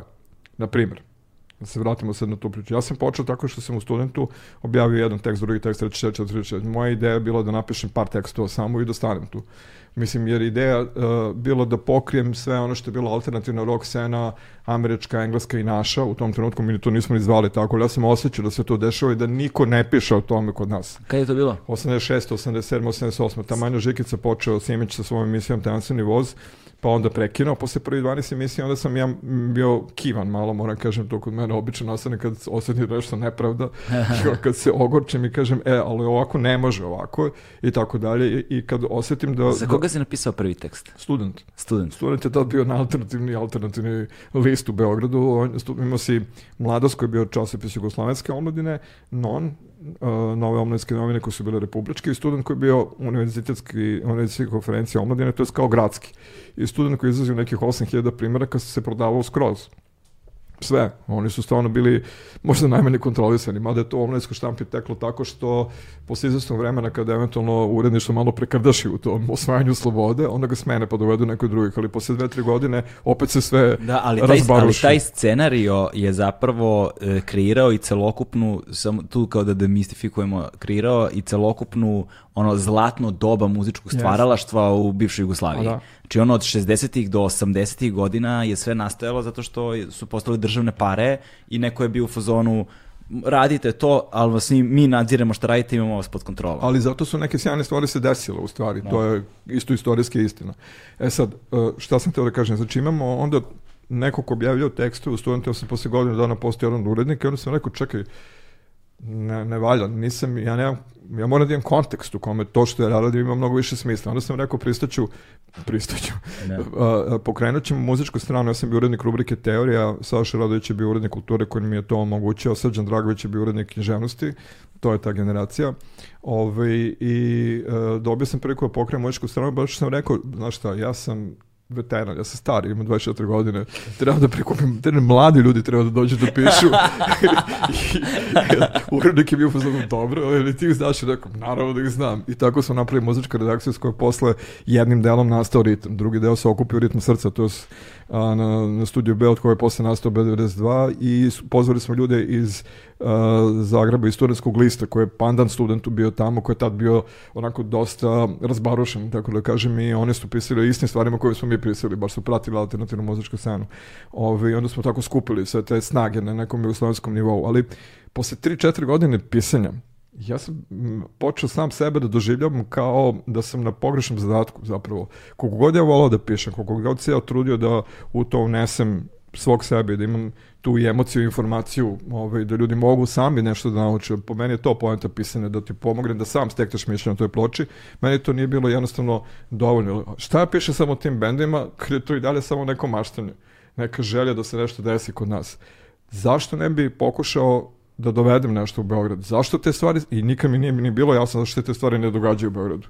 I da nisam to uzeo da radim, ja bi sebe shvatao kao neozbiljno, a to je jedna stvar koju apsolutno ne podnosim. Znači, ako se ozbiljno bavimo nečim, onda ajde da se ozbiljno bavimo nečim. I prvi sledeći korak je bio da pokušam da organizujem koncerte sa svojim prijateljem Ante Čekara iz Zagreba. On je sa Aleksandrom Dragašem tamo bio taj neki naš tim okosnica ovaj, u Zagrebu uz Juricu Šiftera, koji je njihov Žekica Simić.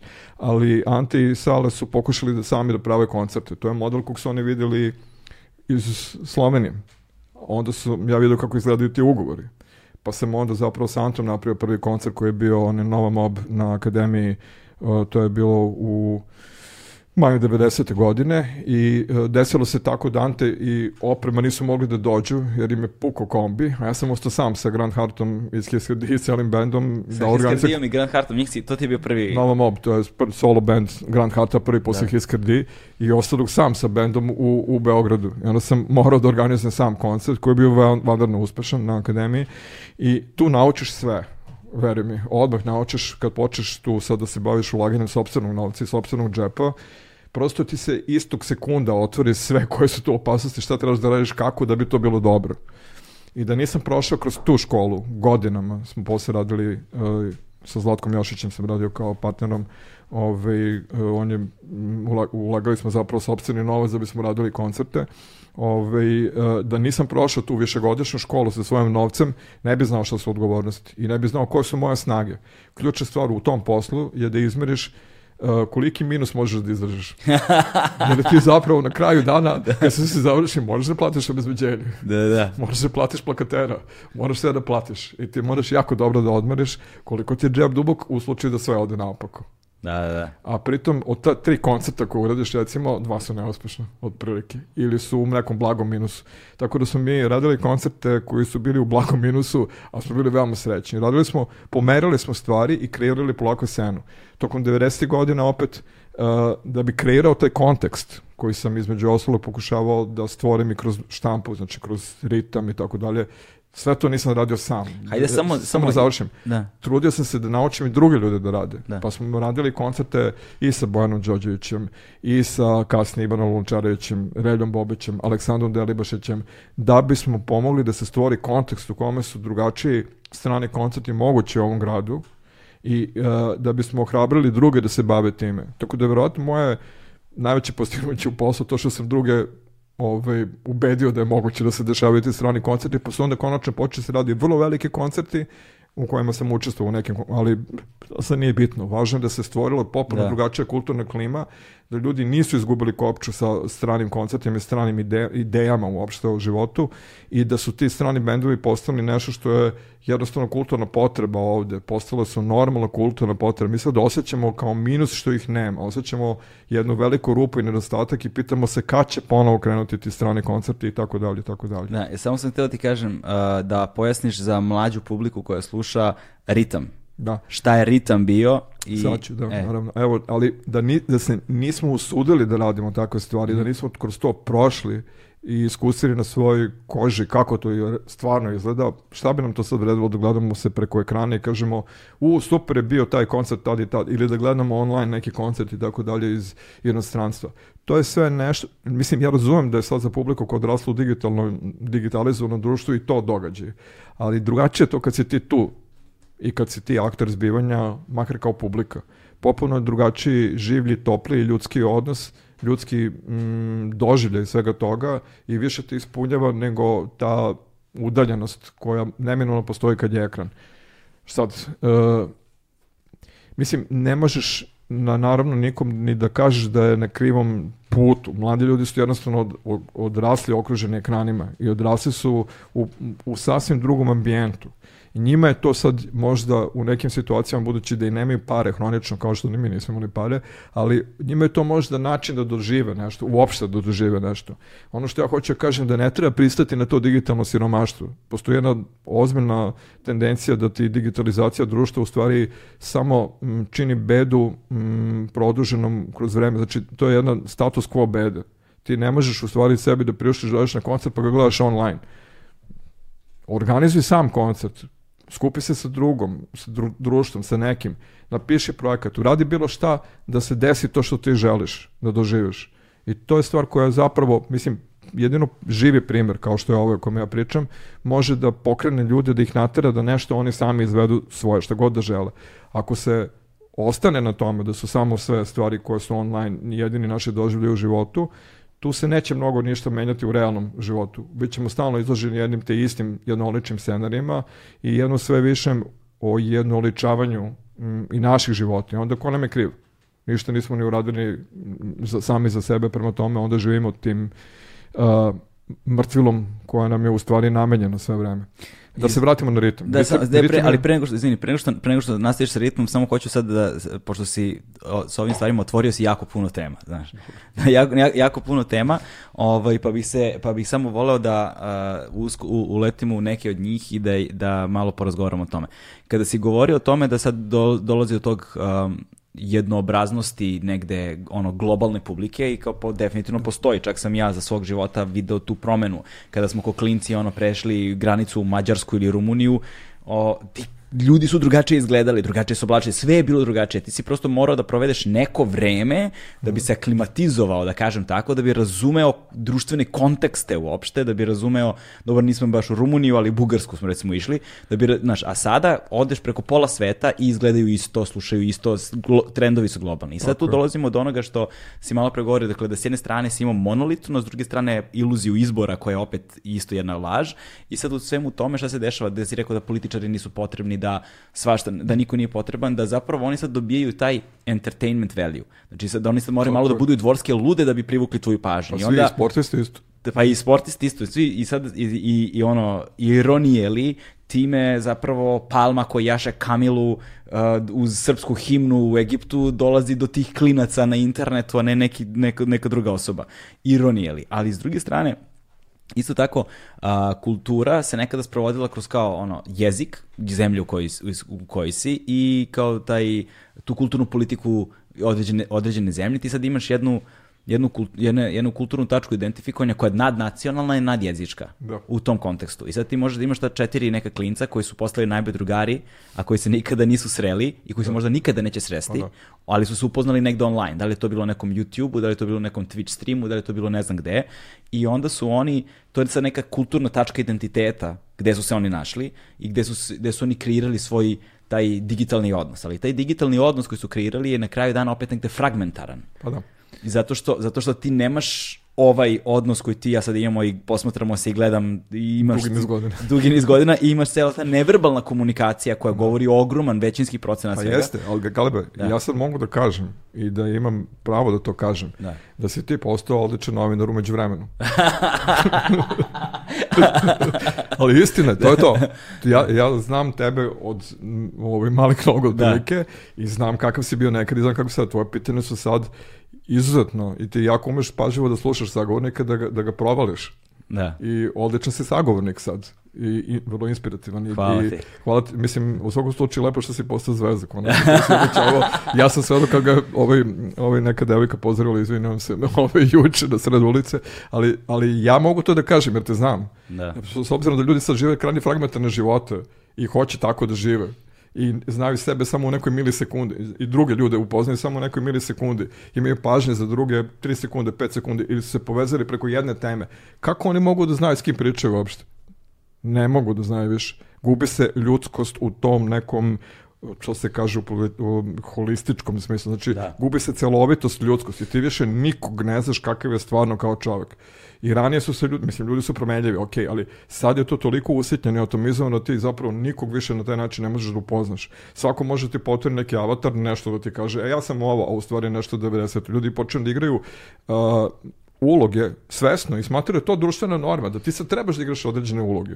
Tako je. I uh, samo tako komuniciraš. I sad ispostavlja se to ono što sam malo pripričao, da 100 godina popularne kulture u stvari stvorilo kao jedno, jedan bazen kodova iz kojih ti izlačiš te um, uloge u kojima, ćeš da, u kojima igraš. Na primjer, uh, otvoriš filmsku enciklopediju i pogledaš i kažeš, aha, uh, žene su u filmovima predstavljene kao vam žena, domaćica, majka, 7, 8, 10 uloga, nema više uloga za žene. Tipova. Znači, žene mogu u društvu da budu 7, 8, 10 tipova. I ti posle shvatiš da žene zaista igraju te uloge u ovako poređenom društvu, digitalizovanom. One se kodiraju ovako, ovako, ovako, ovako ili onako. Ona koja je originalnija, ona je iskače i razmišlja na neki način šta će biti. A ove koji imaju jasno predviđene tipove, one bez greške nalaze zajednicu u koju upadaju. A zajednica ti je oslonac. Tako nalaziš i posao. Bukvalno nalaziš kintu za život tako što si deo neke zajednice gde komunicira određene informacije, pa dobiješ neki posao, pa ti neko nabaci nešto ili tako dalje. Ali su muškarcima ista stvar. Ista stvar, ja sam sad uzao žene za početak. Možda sa muškarcima ista stvar.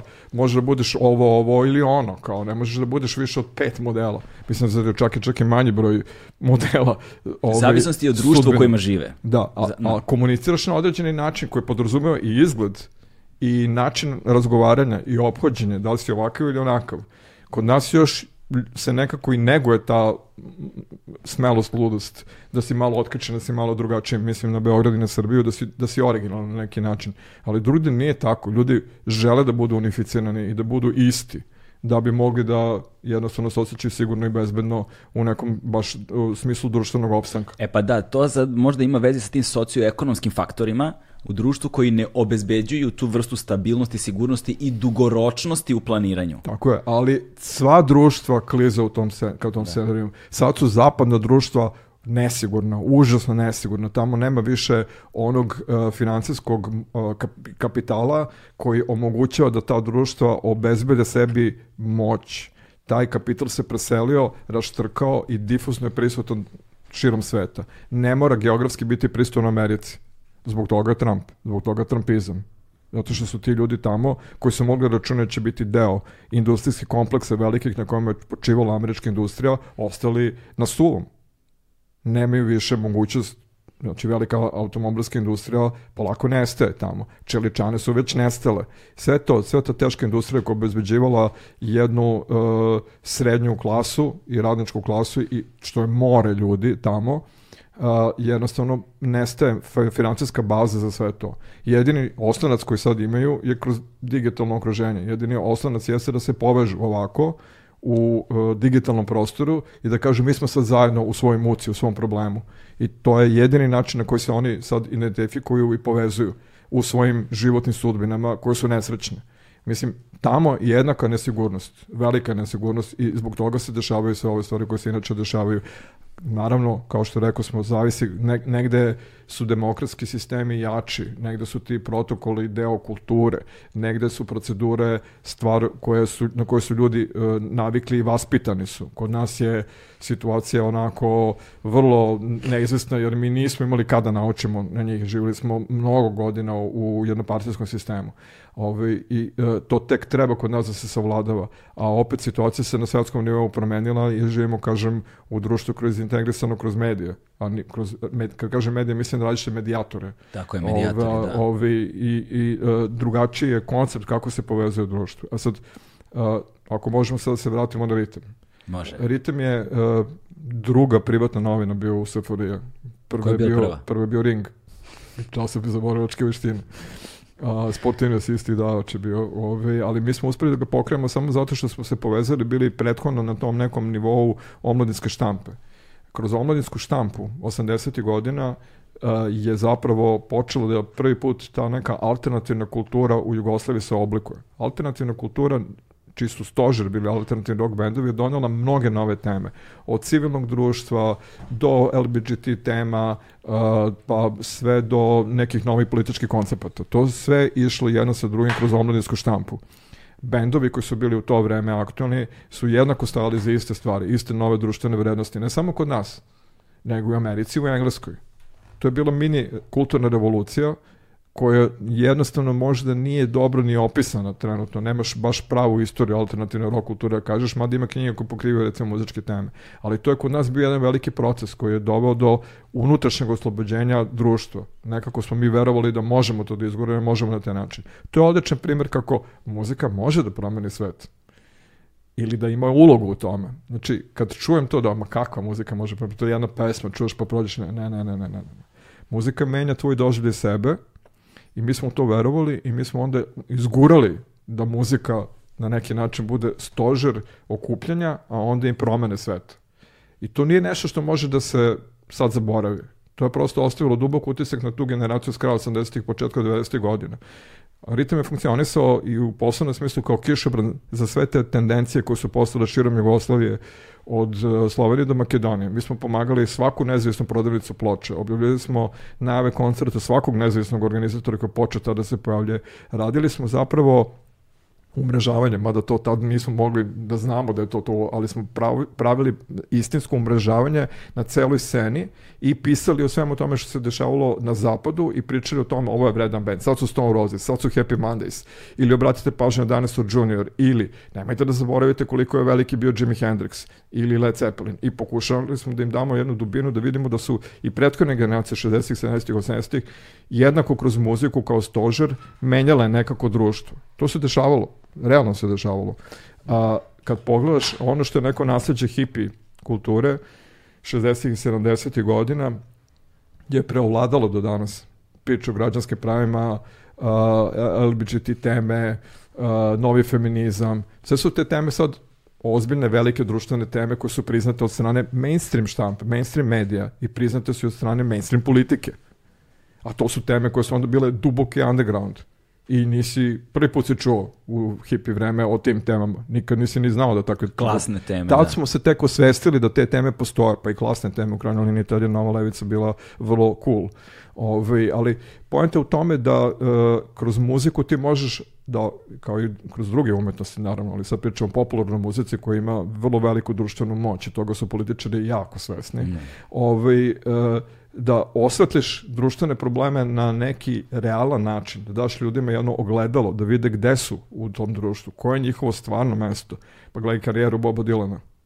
A šta sad treba više da se kaže? Čovjek je stvarno, znači 50 godina to ogledalo društvo i pokušava da im napiše svima, vidite, mi smo tu, ovaj, teraju nas da igramo ove uloge. Ovde nas iskorišavaju. Čovjek piše, ako znaš malo da čitaš tamo između redova, sve u principu kao istoriju tih 50-ak, 60 godina već, ovaj, i on je ipak veliko ime popularne muzike koja prodade milione i milione ploče. Ne može nam se kaže da je alternativni umetnik i da je ono, neki underground prodaje čovjek zaista velike količine ploče i prodavaće ih. A, znači, ti ako si zaista talentovan umetnik kroz uh, model popularne muzike, možeš vrlo dobro da utičeš na, da, možeš da utičeš na društvenu promenu. Možda ne možeš da izvedeš evoluciju kroz nju, zato ti je potrebno nešto da se desi na ulicama ili u glavama ljudi, ali možeš da budeš katalizator. To je to. I to kod nas, u našoj situaciji, u našoj sredini, uh, stalno muzika ima tu taj potencijal da promeni stvari oko nas ili da pomogne da postanemo svesni da se to i to može promeniti. Dajte mogućnost da sanjaš drugačijeg sebe. A to je najveće bogatstvo. To je u stvari već revolucija.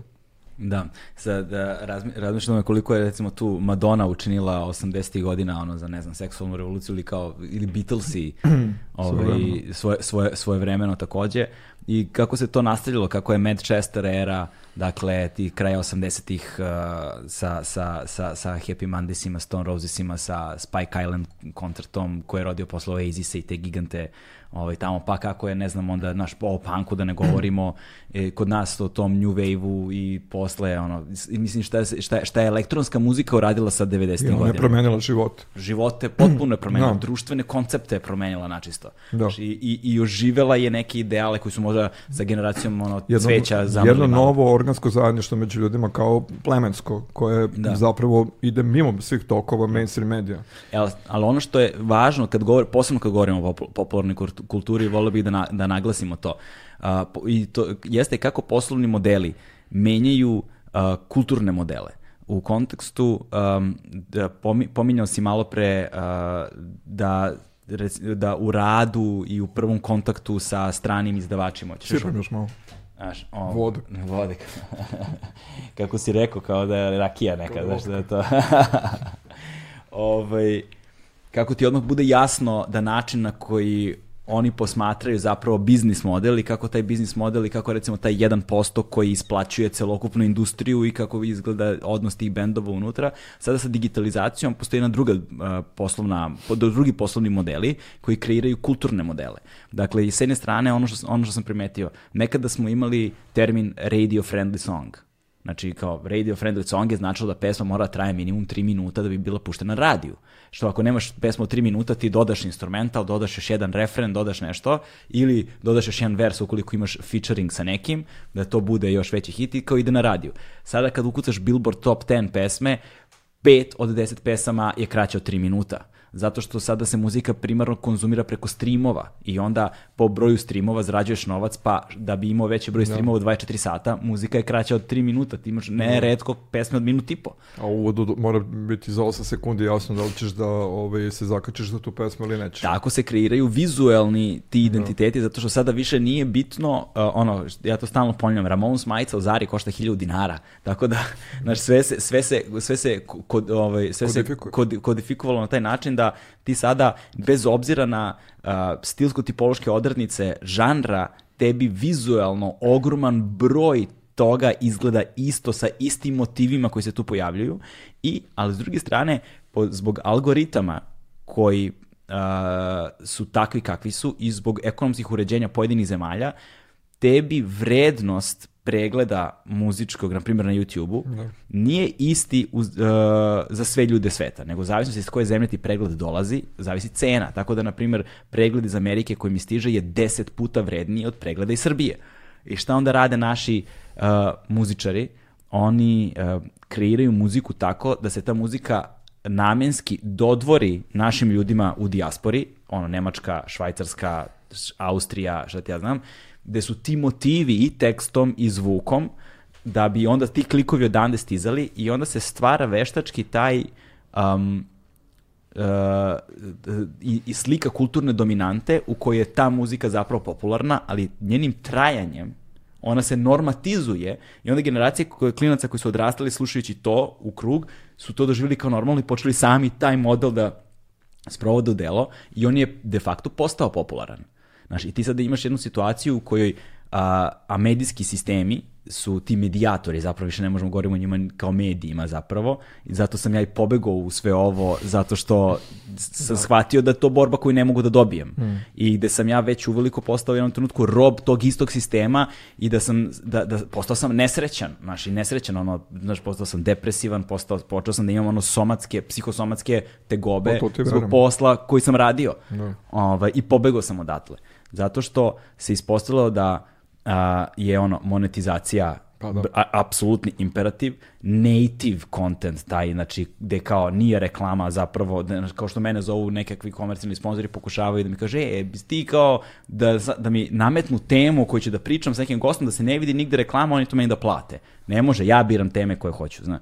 I ovaj, i, s- i, deša, i dešava se to da zato uh, i ljudi su to primetili i sa primećivanjem toga izgubili su poverenje u te iste medije.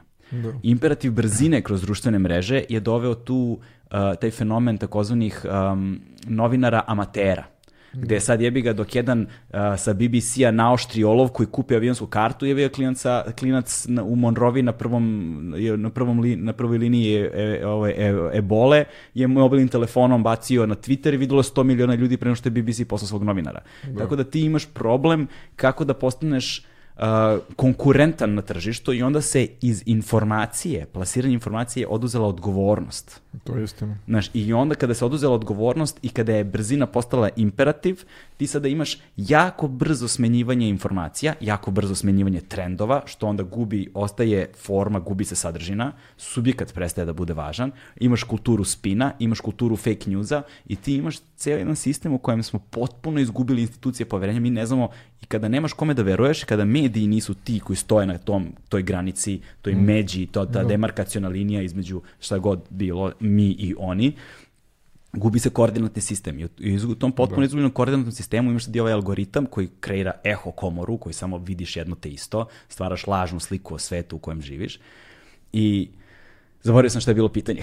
Evo sad ću da ti kažem šta je odgovor. Da, reciš, da, da, da, da, ja ne znam šta je pitanje, ali ti mi reci šta je odgovor. Znači, evo, tebi je bilo muka, je li tako? Tako je, da, da. Od tog sistema gde... E uh, da, e, da, izvini, setio sam se. Dakle, ja sam, ja sam pobegao iz, od mu- mukom oteran, Da. znači mukom oteran, počeo sam da radim recimo ovo i odjednom sam radeći ovo shvatio da postoje mnogi drugi ljudi koji doživljavaju ovo isto na isti način na koji ja doživljavam. Da. je ovo, ovakve stvari postaju prostor slobode. Pa istina to. Uh, to je opet u vezi sa ono što smo malo pre pričali. Znači ti si počeš, osjećaš muku. Jer ta kodifikacija o kojoj smo pričali sad se lako pretvara čas posla u komodifikaciju. Znači pretvaraju to u robu. Znači mi sad svi moramo da živimo pop kulturnim životima u kojima smo prepoznatljivo kodifikovani da bi mogli da se prodamo. I bilo šta, na, na bilo kom tržištu, uh, jednako poslovnom da radiš nešto, da budeš nekom koristan, pa sad u političkog. Znači sve, jadi sportisti, isto. Znači, svi moraju nekako da se pretvore u robu i mi živimo egzistenciju, robnu egzistenciju, ali to je znači turbokapitalizam, digitalizovani kapitalizam je sad ono postao do, do, do mikronivoa vla, važeća norma. I naravno da je... K-pop je najbolji primjer toga. Hm? K-pop je najbolji Da. primjer toga. Dobro, oni još imaju planirano sve. Da. Pa sa da. agendom, oni su sa sve, agendom kao od početka. Gaje, mislim, kupili će. A bukvalno jeste, oni ga kopilići u tim centrima i ono, Da. pod onim lampama Da, da. ne vide svetlost dana je. Ima tu i talentovanih ljudi. Ajde, dobro, sad ovako da se Apsolutno, da, da, ne, da. da se vratimo sad na to. Znači, ali tebi se slošilo toga što te pretvario u, u, u robu. I morao si da nađeš neki svoj put. Gomila ljudi panično traži u šta da veruje. Gde, gde je smisao toga svega? To nije ništa drugačije od onih situacija koje smo imali ovaj, nekad ranije, samo što je situacija sad obrnuta u tom smislu što imaš milion besmislenih izbora koji ti sve svode na, na jedno te isto. Znači, uh, ljudi zato što moraju da veruju sad počeo da se, da se hvataju za razne scenarije. Ništa nije čudno što sad svi ljudi se okreću teorijama zavere, jer prosto moraju u nešto da veruju. Njima je jasno na nekom a, nes, nesvesnom nivou im je jasno da stvari nisu onako kako se predstavljaju. da. Znači, a i pritom, a i ne pritom možeš da- stvarnost izgleda vrlo kao teorija zavere. Da, mislim, Znaš, s jedne strane, stvarnost opravdava to verovanje. pa, znači ima elemenata i za to. Da, da, da. Ali hoću reći, dovoljno je kad shvatiš lažnost onoga što ti se nudi, uh, oda- odat- odatle je samo jedan mali korak u to da počneš da veruješ u neke nebilu, nebulozne stvari koje su u stvari samo izmišljotine koje ti olakšavaju život. Na primjer, evo, e, virus i ne, COVID i ne postoji. Pa dobro, zašto? Napravljeno u laboratoriji, ok, ali kako si došao do tog zaključka? Tu pričaju ljudi okolo. Nemaju pojma o medicini i tako. da. Pa kao, kako bi mogao tako fatalan virus da se napravi, a da nas sve pogodi čoveče, to se dešavalo godinama unazad, vekovima unazad, prelazili su virusi sa životinja na ljude. Sad kad smo napali životinski biljni svet agresivno u poslednjih 100-200 godina kao nikad do sad posle industrijske revolucije, povećali smo rizik. Mi verujemo apsolutno neku moć ljudi da uređuju, našu moć da uređujemo prirodu kako hoćemo, vremenske okolnosti, pašće kiše kad mi hoćemo, životine će nestati, sklonit će se životine da nam ne smetaju. Mislim, pre mnogo godina sam u politikanu zabavniku pročitao jednu fantastičnu priču koja me naučila malo drugačije razmišljam. Radi se o uh, i uh, pri, scenar je ovakav, znači ideš, uh, ču- znači to je lovac svemirsk, u svemiru i lovac koji ide da lovi na jednoj planeti dinosauruse koji tamo još dalje postoje. I sad on ide i to je prosto dinosaurus kapitalac, on mora da ga uhvati. Dinosaurus kapitalac. Dinosaurus kapitalac, pa i sad, i sad on ide i ubije ga. I sav je srećan što je uspio to da uradi, što niko nije, to je opasna stvar. I onda shvati uh, da ga napadaju njegovi paraziti, koji ga osakate i ubiju.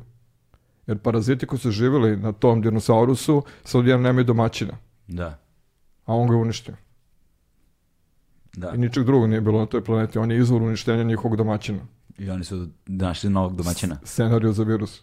Da, da, da. Scenariju koji već postoji u prirodi. Ja sam vrlo naučio- jednostavno, uh, Ja sam vrlo naučio- jednostavno shvatiti da ne možeš tek tako da uletiš u nešto što su uređene stvari u prirodi, a da nemaš neki odgovor, neki. Ja opet ne verujem u teorije zavere uopšte, ali uh, činjenica nam pokazuje da se to dešavalo unazad uh, vekovima, da prelaze razne boleštine i da se pojavljaju i da ljudska rasa je na ivici da bude uništena boleštinom non stop i da moramo stalno da smišljamo na ovaj način da prevaziđemo razne ovakve vi- virusne situacije kao što je sadašnja pandemija. Mislim, to je prosto nešto, da ali danas ljudi kao da odbijaju da shvate da se ne vrti sve oko čoveka, jer im je neko to rekao.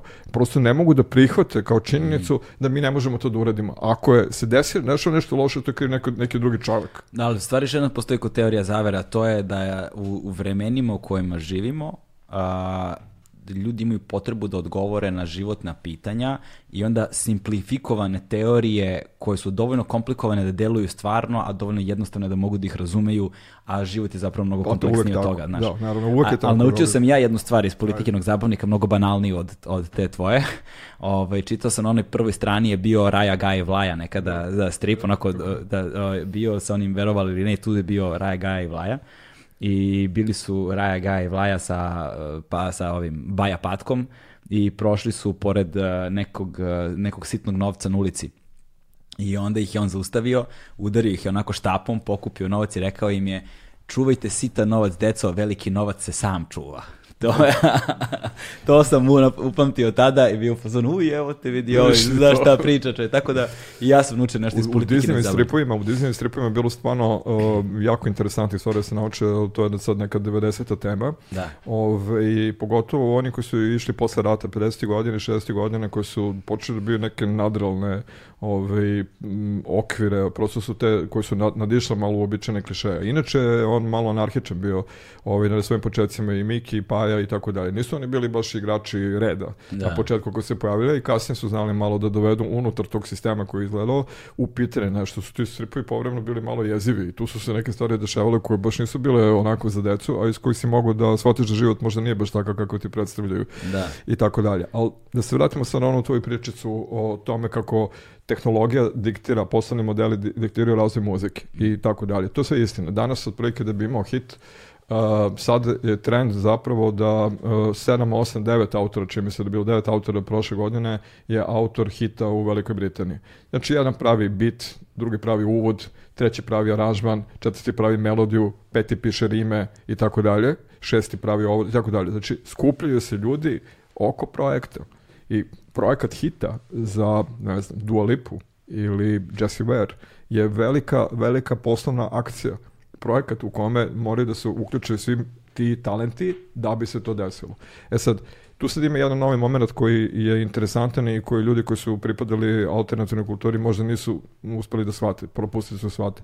Da bi se sad to učinilo popularnim, uh, muzičari koji su mainstream zapravo sve češće i sve više uh, zaite u underground da bi dobili sveže nove talente. Tako da su mainstream umetnici sada neki put vrlo smeli, pa čak i kreativniji u muzičkom smislu, nego što su alternativni umetnici koji se drže nekih svojih zabrana i pokušavaju da, da budu prosto otkačeni i tako dalje. Da, i u svojoj potrebi da se razlikuju su se uniformisali. Uniformisali, upravo Da. to. Dok mainstream umetnici trenutno više rizikuju, jer su na tržištu koje- gde moraju da prodaju milione streamova ili nosača zvuka, šta već. I tržište koje traži novu stimulaciju, da moraju konstantno da budu inovativni. inovativni na svaka tri meseca, čak na svaki mesec moraju da imaju neku stvar. Mislim, pogledaš Dua Lipa koja je objavila album prošle godine, Future Nostalgia, prvo zanimljivo ime. Onda je za šest meseci objavila remix, pa sad remix remixa. I to prilike na svaki šest meseci moraš da se događaš u digitalizovanom medijski integrisanom društvu da bi uopšte postojao.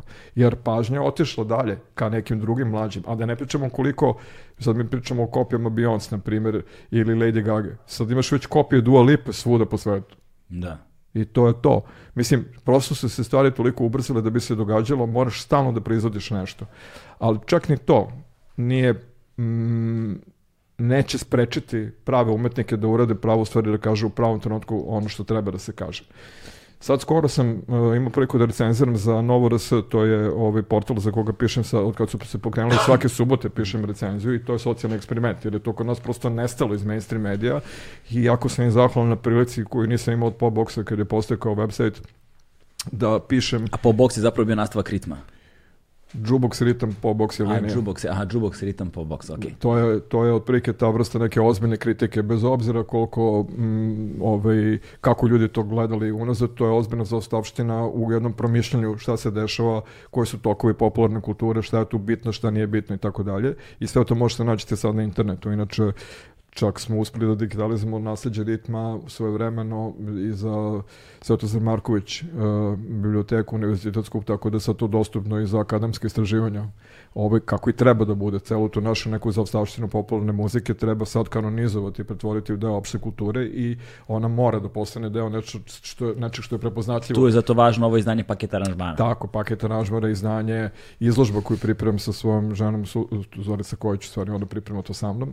Ove, Zorica je uradila izložbu veliku za, koju će se otvoriti tokom ovog meseca na Kalemegdanu u saradnji sa Beogradskom tvrđavom ispred uh, Cvjete Zuzorić, gde su skupljene fotografije iz tog vremena, baš 80. 81. ta tri benda koji su bili na paket aranžmanu, tako da nekako osvetljava ceo te milje. Tu su fotografije i Goranke Matića, Gorana Vebede, i Brane Rašića i Branka Gavrića po prvi put izložene na, na ovaj, uh, jednom mestu i dva meseca će trajati, moći građanstvo da vidi kako izgledalo ti ljudi, ta atmosfera i na, nastanak paketa aranžmana zapravo iz koje scene to izlazi. Ali to je jako važno raditi i na nekako mapirati, sačuvati i kanonizovati baš to. Paket aranžman mora biti deo opšte kulture, stvarno. To je prosto jedna od ploča koja obeležava identifikaciju, kulturnu identifikaciju ove sredine.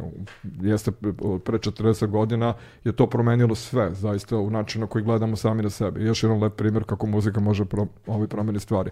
Ali vratimo se sad u ovo vreme.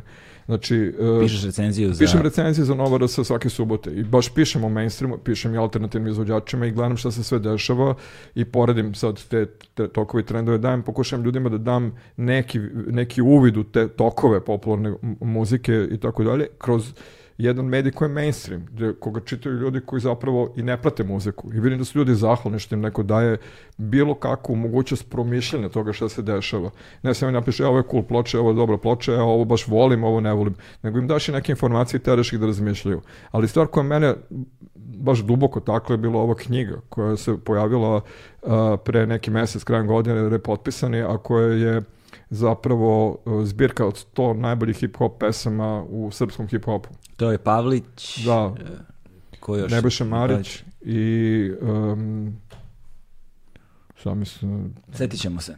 Dakle, rep potpisani, a stavit ću link u opis podcasta, pa koga zanima može da, može da kupi. može da kupi. Jer potpisani su ti 100 glavnih uh, tih pesama. One koje stoje dobro na papiru, koje mogu da se čitaju. Uh, ne obavezno one koje su bile najveći hitovi. Ali tu imaš zapravo od Grua i Robin Hooda pa sve do danas uh, tekstove. Ono što je strašno uzbuljivo i što stvarno na neki način i potresno je uh, koliko je to na, na neki način funkcioniše kao paralelna istorija našeg društva u zadnjih četvrt veka, u zadnjih 25 godina. Tu su ti zabeleženi razni doživljaji onoga što se stvarno dešavalo, a najpotresnije je to što su u svim generacijama svi imali ortake koji su poginuli negde na ulicama. I to uh, na pravdi Boga, mislim, prosto u nekim situacijama kada to nije moralo da se desi. Znači nisu bili poslati u rat, Da. neki od zaboravljenih jugoslovenskih da. ratova, Pa nego mislim- na ulicama usred jedne kriminalizovane sredine. Prva prava velika hip-hop himna je bila pravo u raj Gruova. Da, to je 94. To se, nije da. to se nije promenilo do danas. 25 godina omladina ovde živi u jednom kriminalizovanom društvu.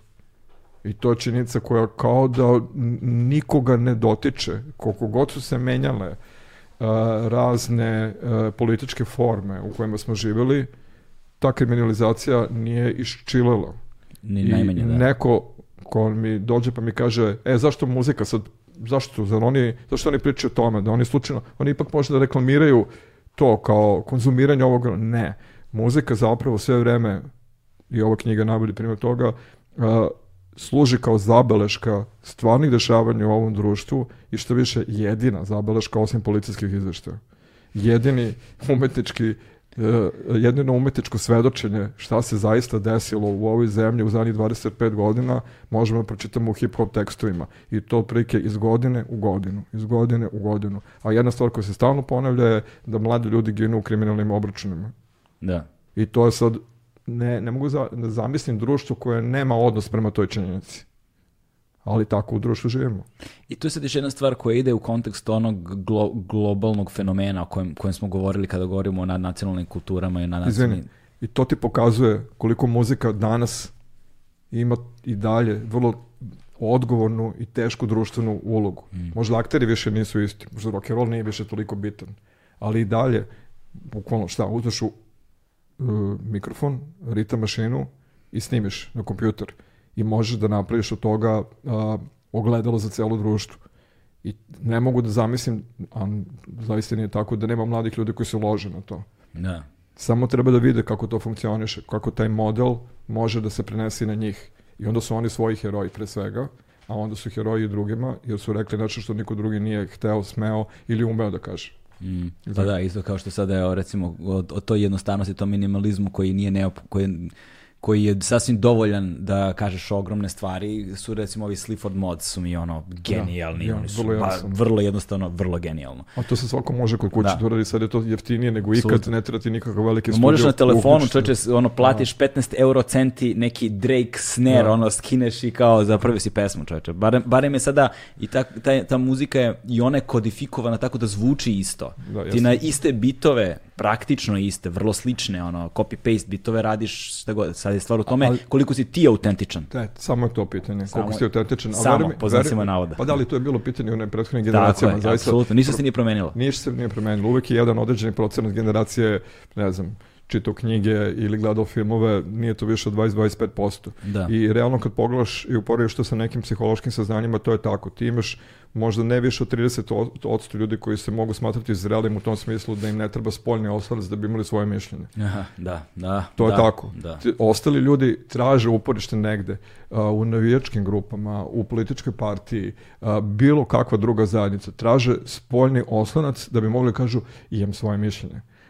30%, 25% možda ljudi ima zaista svoje mišljenje, autentično svoje koje izle, i, koji će se preispitivati i brinuti da li su u pravu ili ne. E, to je otprilike taj broj ljudi koji zaista prati kulturne dešavanja, koji zaista ide na strane muzičke koncerte i koji zaista a, razmišlja o tome što se ovde dešava. Nije više od toga. Da, i domaće ovaj, muzičke Da, naravno, ne, koncerte i, ne, i Sve, plaćaju da. kartu, nisu na spisku, da naglasimo. Tako je, to, to je jako važan deo kulture. Pos, po, posebno što su kod nas karte tako jeftine, tragično jeftine.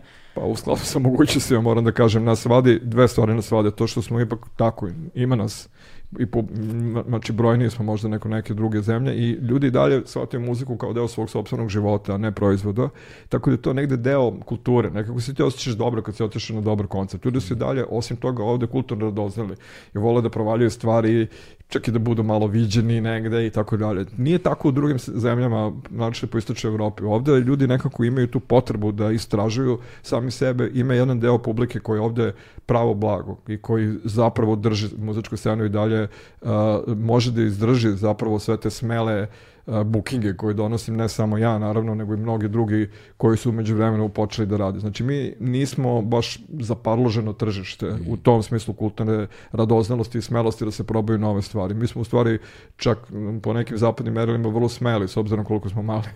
E sad, u kontekstu ove kodifikacije, da zaokružimo ovu temu i kad govorimo o popularnoj muzici danas i o digitalizaciji i o načinu na koji se ona poslovno posmatra, a, još jedna stvar je vrlo zanimljiva koju smo pričali ti ja pre nekoliko godina, to je emocija. Način da ti zapravo pesmom gađaš određeni emotivni, emo, emocionalni spektar i da ti zapravo imaš ono kroz muzičku teoriju ono a, određen broj emocija i muziku koja se pravi u odnosu na njih. To se sećaš kad smo, pri- kad, kad, kad smo govorili. Da, Tačno tako.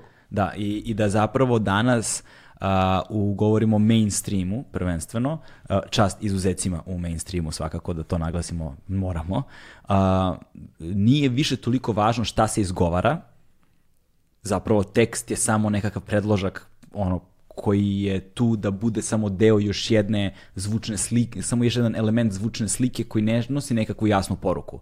Da li oni pričaju o, ne znam, ženama lakog morala, o brzim parama ili o, ne znam, drogama i kriminalu, iako to nije njihova stvarnost koju žive, nego nešto što je ono trend trenutka jer je, ne znam, trap kultura postala globalna, ovaj, ne Pa to moraju... je još jedan kod kroz, kroz, kroz koji mogu da monetizuju sami sebe.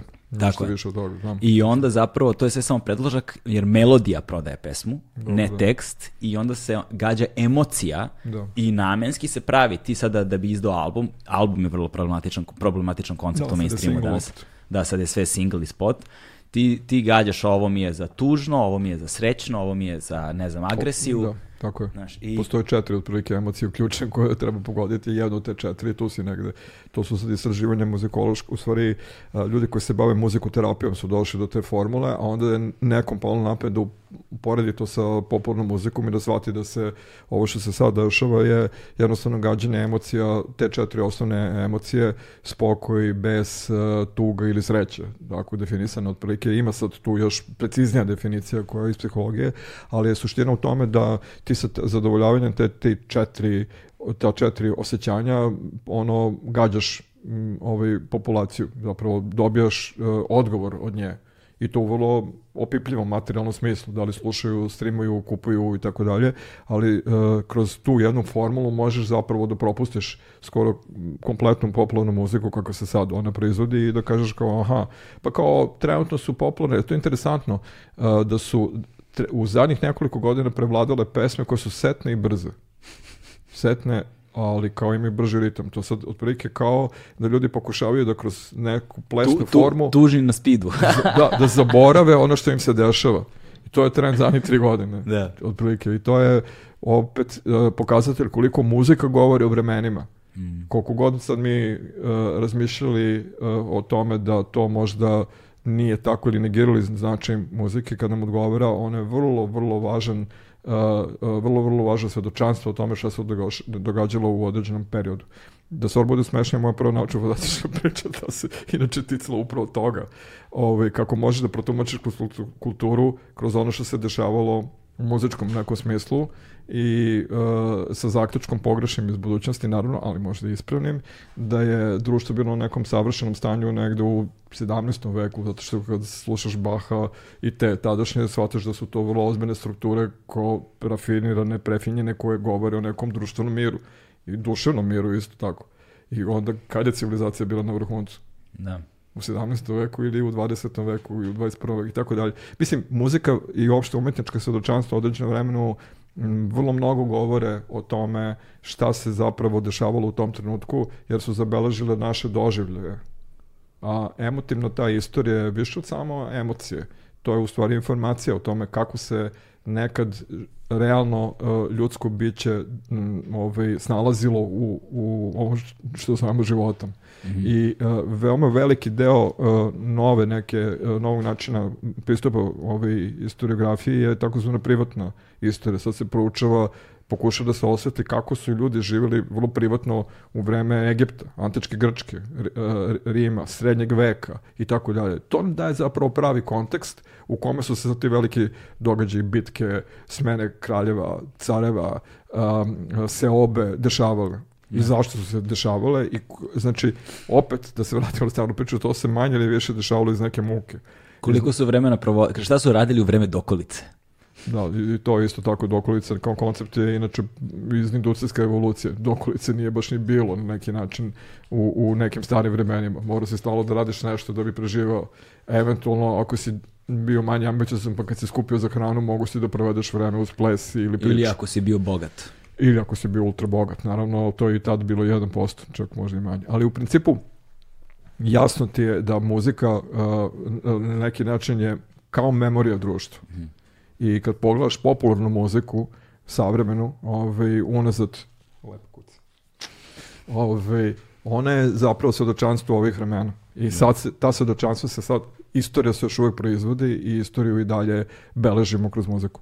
Da, e vidiš, sad i tu e, kad govorimo o, o tom beleženju istorije i kad govorim, mo- govorimo prevashodno o jednom kontinuitetu. Kontinuitetu razvoja i kontinuitetu uticaja. I nekako stičem utisak da svaka generacija, posebno ovde, ima, stičem utisak kao da svaka generacija doživljava da, ž- da, se ži- da život počinje i završava sa njima. Znaš, to je, to je, to je negde... tragedija. to je baš tragično i da se svaki um, da se svaki put uh, nekakva kulturna dominanta kreira kao uh, antiprethodna. Znači da grade svoj identitet na kontra onome što je bilo pre njih i poriču uticaje onih prethodnih i uvek je nešto kao, kao, nekako, nekako, kao nekakav večiti antagonizam. Znaš. Ovaj, i, da se, I da je to ono što nama negde nedostaje.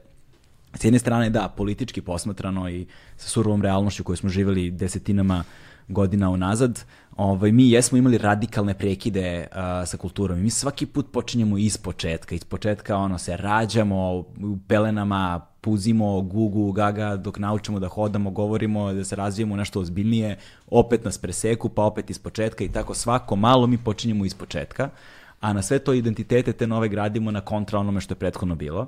Ne samo politički, nego i na svim mogućim nivoima i nedostaje nam negde taj kontinuitet razvoja da vidimo kako su stvari uticale i evoluirale jedne iz drugih i kako su jedne stvarale druge ili pripremale prostor, teren za razvijanje ovih drugih. Hvala. Da nisu mogle da budu rođene dok se, dok se nisu postavili određeni uslovi i stvoreni određeni uslovi da oni to urade. To je tačno tako. To je, to je ta stvar koja kod nas nedostaje. Ona počne na tome što iz nekog razloga kao da mi ne želimo da živimo u, u životu koji ima strukturu. Da. Nemam sad drugo ovaj, baš objašnjenje, ali nekako kao da nikom ne odgovara da živi u strukturi. Zašto nikad nismo imali top listu? Da, da, da. Nikad top listu. Ne odgovara nikom da prijavi koliko je prodao ploča. Mislim, isto, ista stvar sa brojem prodatih ulaznica na koncertima. U stvari nikom ne odgovara da prijavi koliko je stvarno prodao ulaznica. A to ti je na bilo kom tržištu zapravo prava legitimacija gde si ti u poslu. A ako si u poslu, ljudi se ne stide da kažu prodali smo manje nego što smo očekivali, prodali smo više nego što smo očekivali, jer je to zapravo pokazatelj kako se ti boriš sa poslovnim problemima i ako si otišao u minus, kako si ih prevladao. To je prosto, mislim, ja ne mogu da verujem, ali tako je. Na zapadu je to jednostavno normal, normalna situacija u kojoj ti funkcionišeš. Svako može da se desiti da ima minus na koncertu. A ovde kao da je to sramota i kao da si se izblamirao, ne znam šta, mislim, prosto takav je posao. Može se desiti da tog dana padne sneg, kao što se meni jednom desilo, i umesto 300 ljudi dođe 100 ljudi. Prvi sneg u godini i ljudi ne izađu napolje na neki techno party. Desio se. Šta znam ni, kampanja nije dobro urađena, promašili smo ili smo imali jaču konkurenciju. Sve je to istog dana dva koncerta. Sve je to normalan rizik posla. Ali ljudi kao da žele da žive u sobstvenoj mitolo samo izmišljenosti i toj mitologiji koju su sami napravili oko sebe i da pokažu neko auru sobstvene nedodirljivosti. Upravo nije tako. Ako pokažeš mogućnost da. na bilo kom normalnom tržištu da savladavaš svoje probleme, pa ti si pouznani partner. Mm ove naše izmišljene priče na zapadu izgledaju tako što oni kažu hm, aha, jeste, jeste, kako da ne. Mislim, njima je jasno, oni oma provaljuju da su to izmišljene priče, ti nemaš nikakve podatke koji govore u to, u, u to, a i ti podaci su možda frizirani, ako smo ih i servirali. A, ljudi sa zapada prosto veruju u, u cifru, da. u rezultat, u postignuće. Zato meni apsolutno nikad nije bilo važno, jer ja sam odrastao radeći koncerte, u poslovnom smislu sam odrastao radeći strane koncerte i to, na to sam se usmerio sa domaćim bendovima, su radili razni drugi, ja između oslog baš volim da pišem o domaćim bendovima, niko njima ne piše realno kritike, a to, imali smo inače generacije menadžera koji su funkcionisali kako su mogli da funkcionišu na ovom tržištu, Ove, oni su radili sa domaćim bendovima i to je bilo to. Ali strane bendove niko nije dovodio da. 90. godina, 2000 i tako dalje. Ali ti kad izađeš na to strano tržište, tebi postane jasno koje su falinke ovog našeg m, društvenog miljeja automatski ti postane jasno. I, između ostalog, to je jedna od tih stvari, to je da nikakvih uh, proverljivih podataka ti o Srbiji nećeš nigde naći u internetu. Da. Znači, umesto da se mi poredimo realno sa, sa drugim zemljama i tako dalje, da smo u nekim situacijama realno u, u prednosti, bolje mm. i tako dalje, mi više volimo da mistifikujemo i da verujemo u sobstvene priče, nego da živimo onako kako zaista treba da se živi. I uh, um, čak uh, to se isto iz generacije u generaciju ponavljalo uvek je nekako ona, ona, ona uh, kako se zove, preovladajuća elita forsirala uh, taj način uh, neću kažem lažnog, ali friziranog, doteranog mm. uh, predstavljanja onoga što se dešava ovde u, u društvu. Uh, počeš od socijalne distance među etničkim grupama do toga e, na, e, na koji način se prodavalo, koliko se šta prodavalo od neke robe, na primjer. Sve su to stvari koje očigledno su deo ovdašnjeg društvenog ustrojstva i nama kao da ne odgovara da se prikažemo, da vid, sami sebe vidimo onakve kakvi smo. I to je ozbiljan problem koji zapravo ne može da se tek tako prevaziđe, ali treba njemu da se priča da bi neko jednog dana rekao, stani polako, ja hoću da znam kako stvari ovde zaista stoje i da pokažemo, da svi vidimo da smo u stvari slabo pismeni. Mm. I da imamo ogroman broj ljudi koji je završio samo osnovnu školu. Mislim, možda to nekom odgovara, ok, ali ajde da znamo da je to tako i da znamo da Srbija nema preterano puno ljudi koji su završili određeni, određeni stepen obrazovanja.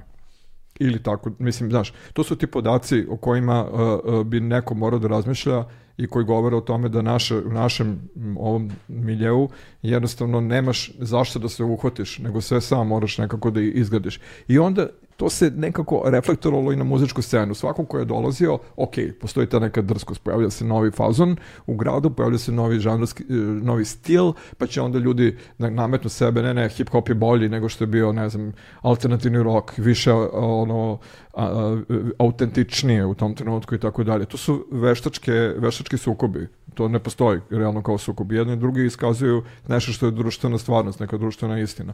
A, um, ili, ne znam, kad se pojavio punk, onda su ovi stari rockeri bili u fazonu da i kao šta ovo, ovi ne ume da sviraju, kao da to bilo bitno da izraze ono što su trebali da izraze, umesto da gledaju ono što je suština te pojave, odnosno šta su ljudi govorili i koji je mm. smisao toga, zašto su oni morali da se pojave. I tako iz generacije u generaciju imaš sekiru i onda posle toga sve pre mene, nije, sve pre mene je valjalo, a posle mene to ništa ne valja, to prosto srozavanje jedno, prosto ne možeš da veruješ šta je to tehno, tehno nije muzika da. i tako dalje. Imaš, mislim, iz generacije u generaciju jedno te isto. Kao da niko ne želi da u, u ono, mm, uh, doživi te stvari onako kako jesu, kao jedan kontinuitet omladinske podkultura, kao jedan kontinuitet društvene, uh, društvenog toka, jednog da se pokaže uh, koji nastaje iz potrebe, realne potrebe nekih ljudi da pokaže da nisu te životi takvi kako su predstavljeni gore u mainstream medijima i uopšte u mainstream mm. društvu. Znači, ti na neki način uh, ne možeš ni da suzbiješ to, jer prosto iz generacije u generaciju postoje potreba da se kaže istina o tome kako izgleda živeti ovde i na ovom mestu. Evo, mi sad dok pričamo postoji dalje generacija Haligali bendova, na Haligali kompilaciji za koju je repetitor koji su na neki način njihove preteče, kažu aha pa mi nismo baš očigledno znali da će ovo da odjekne, da će tako samoniklo da, da naraste. Ima tu nekolicina vrlo dobrih bendova. Koliko su njihovi dometi pokazat će vreme, naravno. Ali očigledno postoji kontinuitet te potrebe da se kaže kako stvarno žive ovde stvari, kako stvarno žive ovde ljudi, kako se stvarno ovde stvari događaju. I u tom smislu je hip-hop scena i knjiga koju smo malo prepomenuli je potpisani stvarno vredan dokument, zabelaška o tome šta se ovde stvarno dešavalo. To kako se oni suprotstavljaju jedni drugima, mislim da je to sve isfabrikovano i da mladi, uh, oni oni koji su malo svesniji vrlo dobro znaju da oni drugi mladi tamo ne rade ništa pogrešno, nego možda su samo u drugačijem fazonu, ali da govore iz iste muke. E da, i sad te, fabrikovanje tih sukoba a, s jedne strane je verovatno negde namerno u kontekstu političke poli, političkih sukoba kao što je bila ona čuvana podela prvu i drugu Srbiju, znaš, i to i kako da. se to muzički i, i, i na svaki drugi kulturni način zapravo ove, odvijalo i onda negde živimo i to sakato nasledđe takvog načina razmišljanja i dan danas zapravo, klinci koji su sada kroz digitalne tehnologije, oni su prvi koji su to zapravo počeli da razbijaju na čisto param parčat, ali s druge strane takođe postoji jedan uh, sukup stvoren kao posledica uh, lošeg poslovnog odno, lo, loše, lo, loše, loše poslovne politike, jer ti si imao, na primjer, to nismo imali top listu, uh, a, nikada, dakle ja kad kažem nikada mislim ono od drugog svetskog rata na ovamo, kao nikada nije napravljena top lista na osnovu prodaje koja je objedinjavala sve ja. na jednom mestu, a s druge strane postoje, pored lažiranja tiraža, pa onda 90-ih piratizovanja domaćih izdanja, pored piratizovanja stranih, gde su izdavači ispod tezge prodavali sobstvene izvođače za ono lovu koja kao nigde ne postoji, a prijavljivali ono što je kao zvanično prodato u prodavnicama i tako dalje, ali uh, postojalo to da, da su sve medijske kuće imale zapravo sobstvene izdavačke kuće. Da. I onda PGP Dakle, RTS ima svoju izdavaču kuću. Da. Pink ima svoju izdavaču kuću. B92 svoju. B92 svoju izdavaču kuću. Znači, ono, sad i IDJ Videos ima svoju televiziju. Znači, znaš, kad svako ima svoju, svaka televizija ima svoju izdavaču kuću i šta je na njihovim top listama? Favorizovanje njihovih izvođača ili uglavnom isključivo njihovi izvođači. I na top listama svaka, svaki medij ima svoju top listu koja se ni na koji način nije podudarala ni sa jednom drugom top listom. Znači, kao jednom top lista, top 10 na RTS-u, top 10 na uh, B92 i top 10 na Pinku, nemaju veze jedan s drugim. I svako kreira svoj neki mikrosistem, mikro, mikroatmosferu, ovaj, što ga šta je popularno i ti nemaš realnu i objektivnu sliku popularnosti. I onda na tom koordinatnom sistemu, gde bi alternativa trebalo da bude horizontala, vertikala bi trebalo da bude popularna kultura, ti je nemaš jasno definisanu u odnosu na koju bi alternativa bila to što jeste alternativa.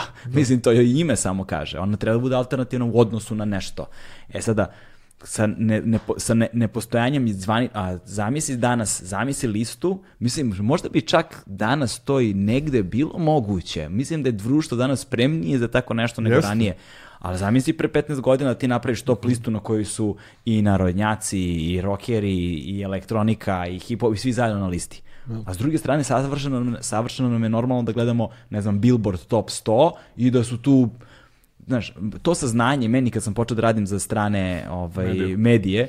i kao idemo na, ne znam, dodelu MTV nagrade i razgovaram, lupetam sad, ne znam, sa Metalikom i pitam ih, nisam ih to pitao, ali sam razmišljao u tom kontekstu, zamisli da ih pitam kao kako vam je što ste na listi sa Britney Spears, vjerojatno bi me gledali kao potpunog kretena. Pa da, Znaš, dok je ovde, tom trenutku, to bilo sasvim legitimno pitanje. da, da, da. Znaš, i šta onda to govori o nama kao društvu i u kojoj poziciji se mi nalazimo? Pa ljudi vole da bude u, da žive u jednom fragmentizovanom društvu u kome svako živi u svom nekom malom zabranu i zadovoljan je sa time i tako dalje. Mislim, uh, znaš, mislim, to je prosto posljedica toga što nemamo te kriterijume, ni, ni, ono, ne držimo se objektivnih kriterijuma, ako, ako ih imamo, onda ih negiramo. Da. I ako, ako nam ne ide u prilog istina, mi ćemo odmah da negiramo i smatramo da je to postignuće nekako, mislim, stvarno, o čemu pričamo, to će nas ulupati u glavu pre ili, ran- pre ili kasnije. Ove, ali poenta je u tome da um, to nekom odgovara, Da, što je da. tako. I prosto uh, ta vrsta fragmentacije društva zapravo na neki način omogućava uh, lakše manipulisanje sa svim oko tebe. Prosto na neki način uh, sa fragmentisanim društvom lakše igrati se. Nema, nema drugog objašnjenja, siguran sam. A, samo još jedna stvar, mislim, pazi, čak i ta fragmentacija, takva kakva je, bar je pomogla da neke stvari kod nas dođu do nekog stepena.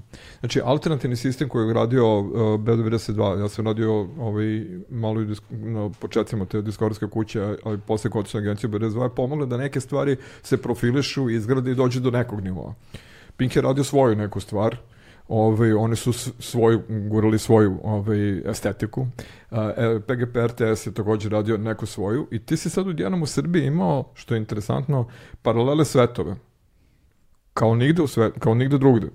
Ti odeš u neke susedne zemlje, postoji jedna nivelacija ovako, i ta nivelacija podrazume da postoji jedan građanski red u kome samo je jedna istina.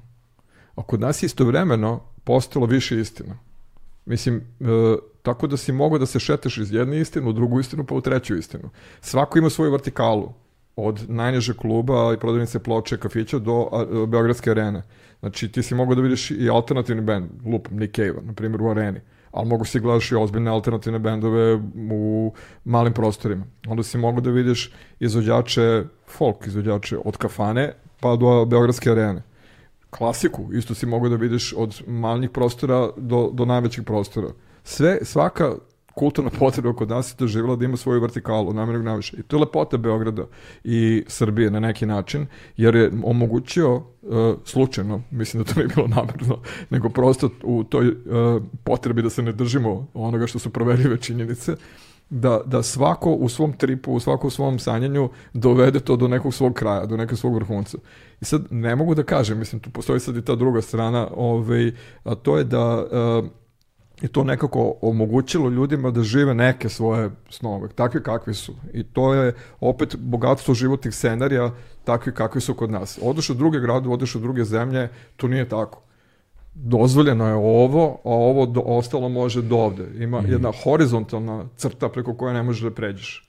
I tačka, otprilike, osim ako ne znam šta se ne desi neki slučaj da neko može pretrči, preskoči neku granicu. Ali ovde kod nas je ipak postojalo kroz to, posto, kroz paralelnih svetova, to nek, na neki način omogućilo određenu slobodu. Jeste da mi kao delovi društva više nismo onda komunicirali jedni među drugima, ali sa druge strane si mogao da vidiš šta sve postoji, ako ništa drugo, i da menjaš te fazone. Ali ta paralelnost je neverovatna. Da. Neverovatna je zato što je ona bila na svim nivo, društvenim nivoima. I ti si prosto mogao da imaš komšiju u zgradi Da. sa kojim nemaš apsolutno ništa zajedničko i da va- vi možete da živite živote u, na- u svim svojim domenima svim svojim kulturnim domenima, znači kultura u najširem mogućem smislu. Od filmova, muzike, mesta za izlaske, a, mesta gde kupuješ stvari, gde se oblačiš šta god i da se nikada u životu ne sretnete i da vam ono mindset, znači prosto da, da, da bude, bude toliko različit. Se, to je ono, ti, u Beogradu čovjek može u toku jedne večeri da doživi nešto što s obzirom na to koliko smo mi zapravo mala sredina, se dešava samo u velik, zaista ono, znaš, u, u- u velikim gradovima. Znači, kad govorimo da živi preko 10 miliona ljudi, pa kao odeš na drugi kraj grada, bukvalno si u drugoj zemlji, ono, znači ima, grad ima više stanovnika nego što mi imamo u državi celoj. Dakle, ista stvar može ti se desi u jednoj ulici. Znači, ti u jednoj istoj ulici možda imaš, evo, tipa pogledamo samo splavove na, na, na, na rekama ili šta god. Znači, da ti u jednom, na jednom istom nizu možeš da imaš različite svetove sa potpuno različitim estetikama, potpuno različitim sistemima vrednosti, potpuno različitim a, socijalnim kapitalom koji se Da. distribuira tu i ti, da se sreću ljudi koji se kao da se ne vide, kao da su duhovi uzajamno i prosto ne posjeduju uzajamno jedan parametar na osnovu koji bi ih procenjivao. Da. Znaš, ti kad, ih, ti kad, kad se sretnemo i gledamo se, da li sad neko sa nekog jednog splava, neko sa drugog splava, neko sa neke, teh, neko sa nekog narodnjačkog, nije važno, posmatramo se i mi jedni u drugima ne primećujemo ništa na osnovu čega bismo doneli procenu. Znaš, kao da na osnovu čega bih ono, ne, ne, ne, ne šalje mi ni jedan signal ono, od govora tela do, na, preko načina oblačenja do toga koju muziku ja prosto ne umem da procenim. I onda se vrlo često jer, jer, jer, jer, jer, da, zezneš, zato što gradiš određene sudove, nemajući parametar na osnovu kojih gradiš. I koliko često mi se desilo da upoznam nekoga za koga mislim ko zna šta sve, i prvi put nekim sumanutim spletom okolnosti sednemo na kafu ili nešto slično ili upoznamo preko nekih zajedničkih prijatelja i odjednom se tebi otvara svet kao wow, vidi ovu osobu, čoveče nije ono, ni izbliza ono što sam mislio da jeste. Da. Ni prazna, ni šuplja, ni glupa, ni ništa, nego kao, i onda... I Ili onda ta- obrnuto. I obrnuto. Da. I onda moje mišljenje posta, postane ogledalo mene samog. Pa da. Znaš, da ja sada preispitujem sobstvene vrednosti, sobstvene prednosti, sobstvene manjkavosti, zato što sam sebi dozvolio da, ne znam, godinama verujem u nešto drugo. Izvini, ali zbog toga je Beograd uzbudljiv. Jeste, da. E, A ima može i- da stradaš. Pa to je da, uzbudljivo. da, i to je uzbudljivo, jeste, da. Ne, ali stvarno to jeste kulturno bogatstvo to jeste um, to bogatstvo životnih scenarija, bogatstvo različitih Mm. društvenih scenarija, prosto uči ljude da mogu živjeti ovako, onako i da mogu switch da naprave Mm. ako treba ovo, i da opstanu. To je nekako, mislim, usud ljudi koji žive u ovim prostorima da moraju da razmišljaju o tome da mogu da pod raznim pritiscima, imali smo prošli ratove i ekonomske nedaće, kako god hoćeš, vidi se i po našem humoru koji je ono, tipičan crni humor zemlje koja je prošla razne ekonomske i ratne probleme, ovaj, koji recimo imaju Irci, Škoti i tako dalje, ljudi koji žive u siromašnim sredinama ovaj, i gde dosta zavisiš od podrške prijatelja, pomoći, ortaka, porodici i tako dalje. Ovaj, mislim, to, to, to nekako uh, os- ti daje mogućnost da izabereš neku drugačiju sudbinu ako se nađeš pod, pod pritiskom. Ali um, činjenica da to sve postoji, ta raznolikost ovde je ogroman kapital društveni. Ja sam bio na negde, na, pre neki 15 godina na nekoj opet konferenciji ovde kod nas u Beogradu, je američki sociolog jedan uzeo reći i rekao kao ljudi, znate šta je mene ovde kod vas zapanjilo? Vi imate ozbiljno nasleđe Turske i vi se toga stidite. Pa da li ste vi normalni? Svuda u svetu bi to čovjek, ako ništa drugo, naplatio. Nema evropske zemlje ili ih ima samo još jedna ili dve ili tri koje imaju tako ozbiljno orijentalno nasleđe koje se ukršta sa centralno evropskim i zapadno evropskim na istom mestu. Orijentalno nasleđe Srbije je nešto čime treba da se ponosite iz moje američke perspektive. Izvinjavam se, možda nešto ne shvatam, kaže on. Ali zašto se vi toga stidite? tu postoje određene vrednosti, intelektualne, duhovne, kako god hoćeš, koje su očigledno uticale na vas, ali vi ih ne, kao da ih ne priznajete, kad vam, odnosno volite da ih ne priznajete, a u stvari u nekim situacijama se baš ložite na njih. Da, i da. tako dalje. I ti u stvari shvatiš tu sad da iz uh, pogleda stranca kome je sva Evropa egzotika, ovo mesto je zapravo uzbudljivo, zanimljivo i ima neku dramatičnost, životnu dramatičnost koju Mislim, ne možeš ne moramo- da ne nađeš. mora- ne Nije mora- sfabrikovano. Da, ne moramo da odemo uopšte toliko daleko. Zašto na SKC-u ne stoji ploča Da. ovde je Marina Abramović počela svoju karijeru? Na primjer, da.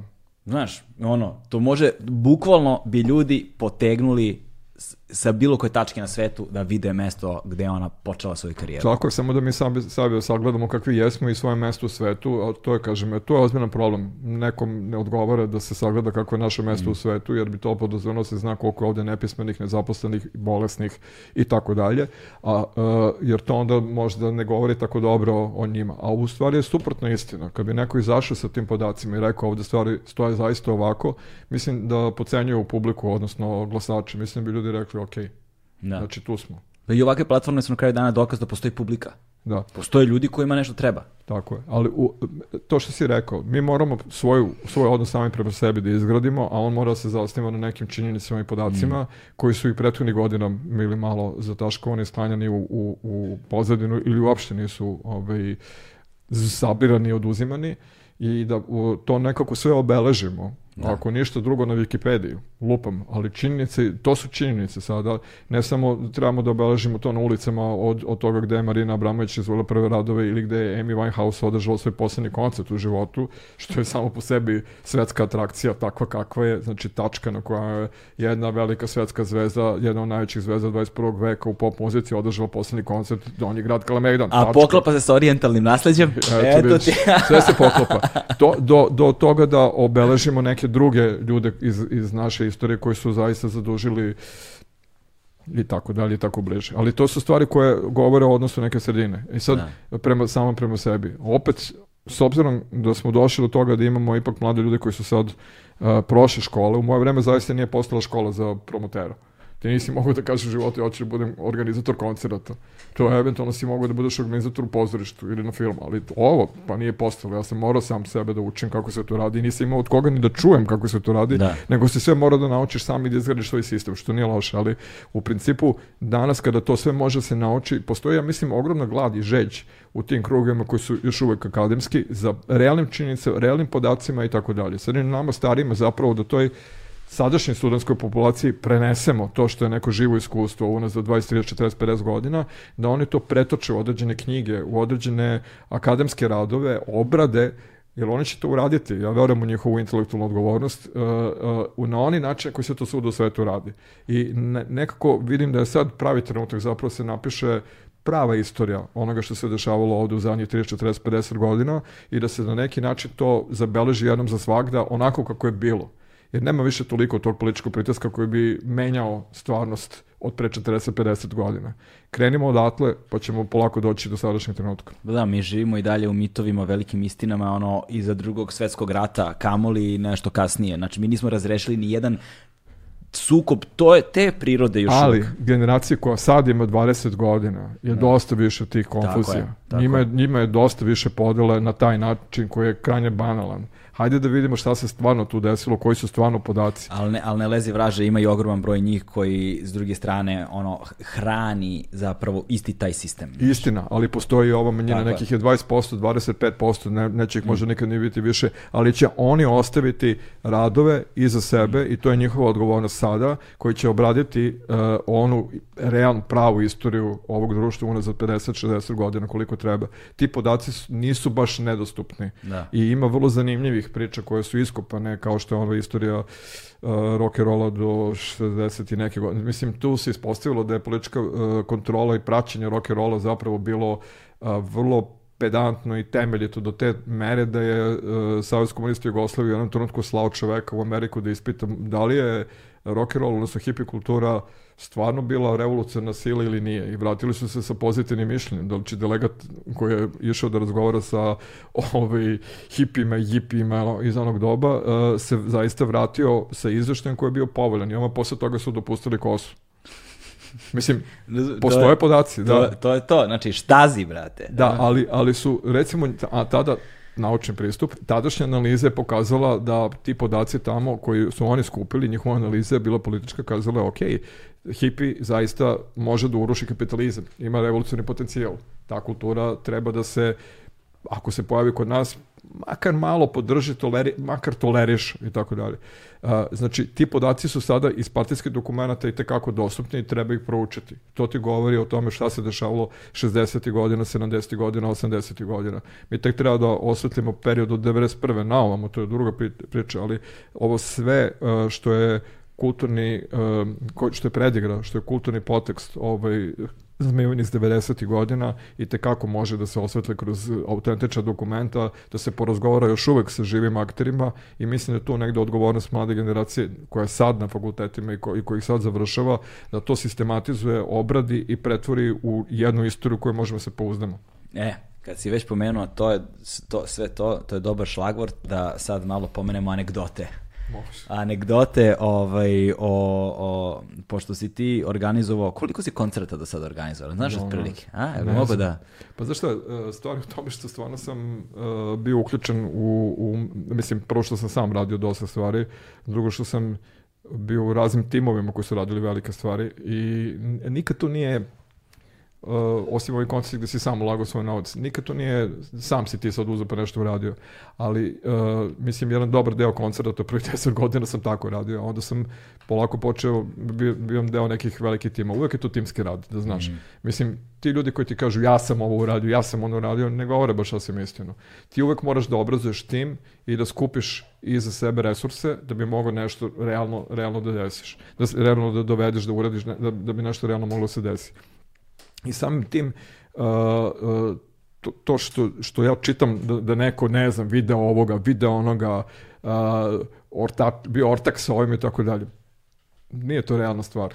Prave stvari su zapravo kada ti organizuješ koncert u timu ili sam i dođeš u situaciju da upoznaš realno velike imena pop muzike u situ, tamo gde, si, gde oni tebe prepoznaju kao neko ko je odgovoran za njihov koncert i za uspeh tog koncepta, kad ste vi partneri, ali u poslovnom postignuću i umetničkom postignuću, naravno, kad on tebe pita koja moja pesma je popularna ovde. Da. I to, to je tajna jedna koju delim sa tim umetnicima, svim koje sam, sa kojima sam imao kontakt, jer oni mene zaista pitaju, realno, ja sam prvi koga vide često i poslednji koga vide pre nego što izađe na scenu, Uh, ja sam kao promotor svuda, za razliku od drugih promotera koji sede negde u VIP-u, ja sam uvijek kao promotor sebi isturan prvu liniju, prvo da bi ja bio ta osoba koja je odgovorna, mislim da bi oni mene videli kao osobu koja je odgovorna za sve. To se jako ceni. Mm -hmm. Jako se poštuje kad ti dođe promotor i kaže ti, Dobran, e, ja znam šta ti radiš. Mm -hmm. Imam tvoju ploču. Da. Tvoja pesma koja je popularna ovde je ta i ta. Znaš koliko umetniku padne onda kamen sa srca jer razgovara sa neki ko želi Razume. dobro biti njemu.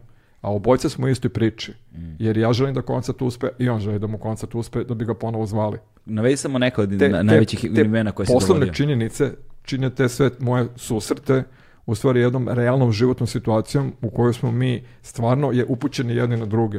I onda tu se negde prepoznamo. Sad, ne znam šta bi mogu sve da ti ispričam. Pa znam da si dovedio ono, od Prodigija do Rijane, znaš, dovodi, yes, dovod, do, dovodio, da. dovodio si svašta. Zanimljivo je, ljudi ne pamte taj koncert Rijane ovde, koji je bio prilično Ovaj... To je odličan koncert bio na jedan i veoma važan koncert na jedan način, zato što je to prvi put jedna velika MTV pop zvezda svirala u Srbiji, to je bilo 2007. godine.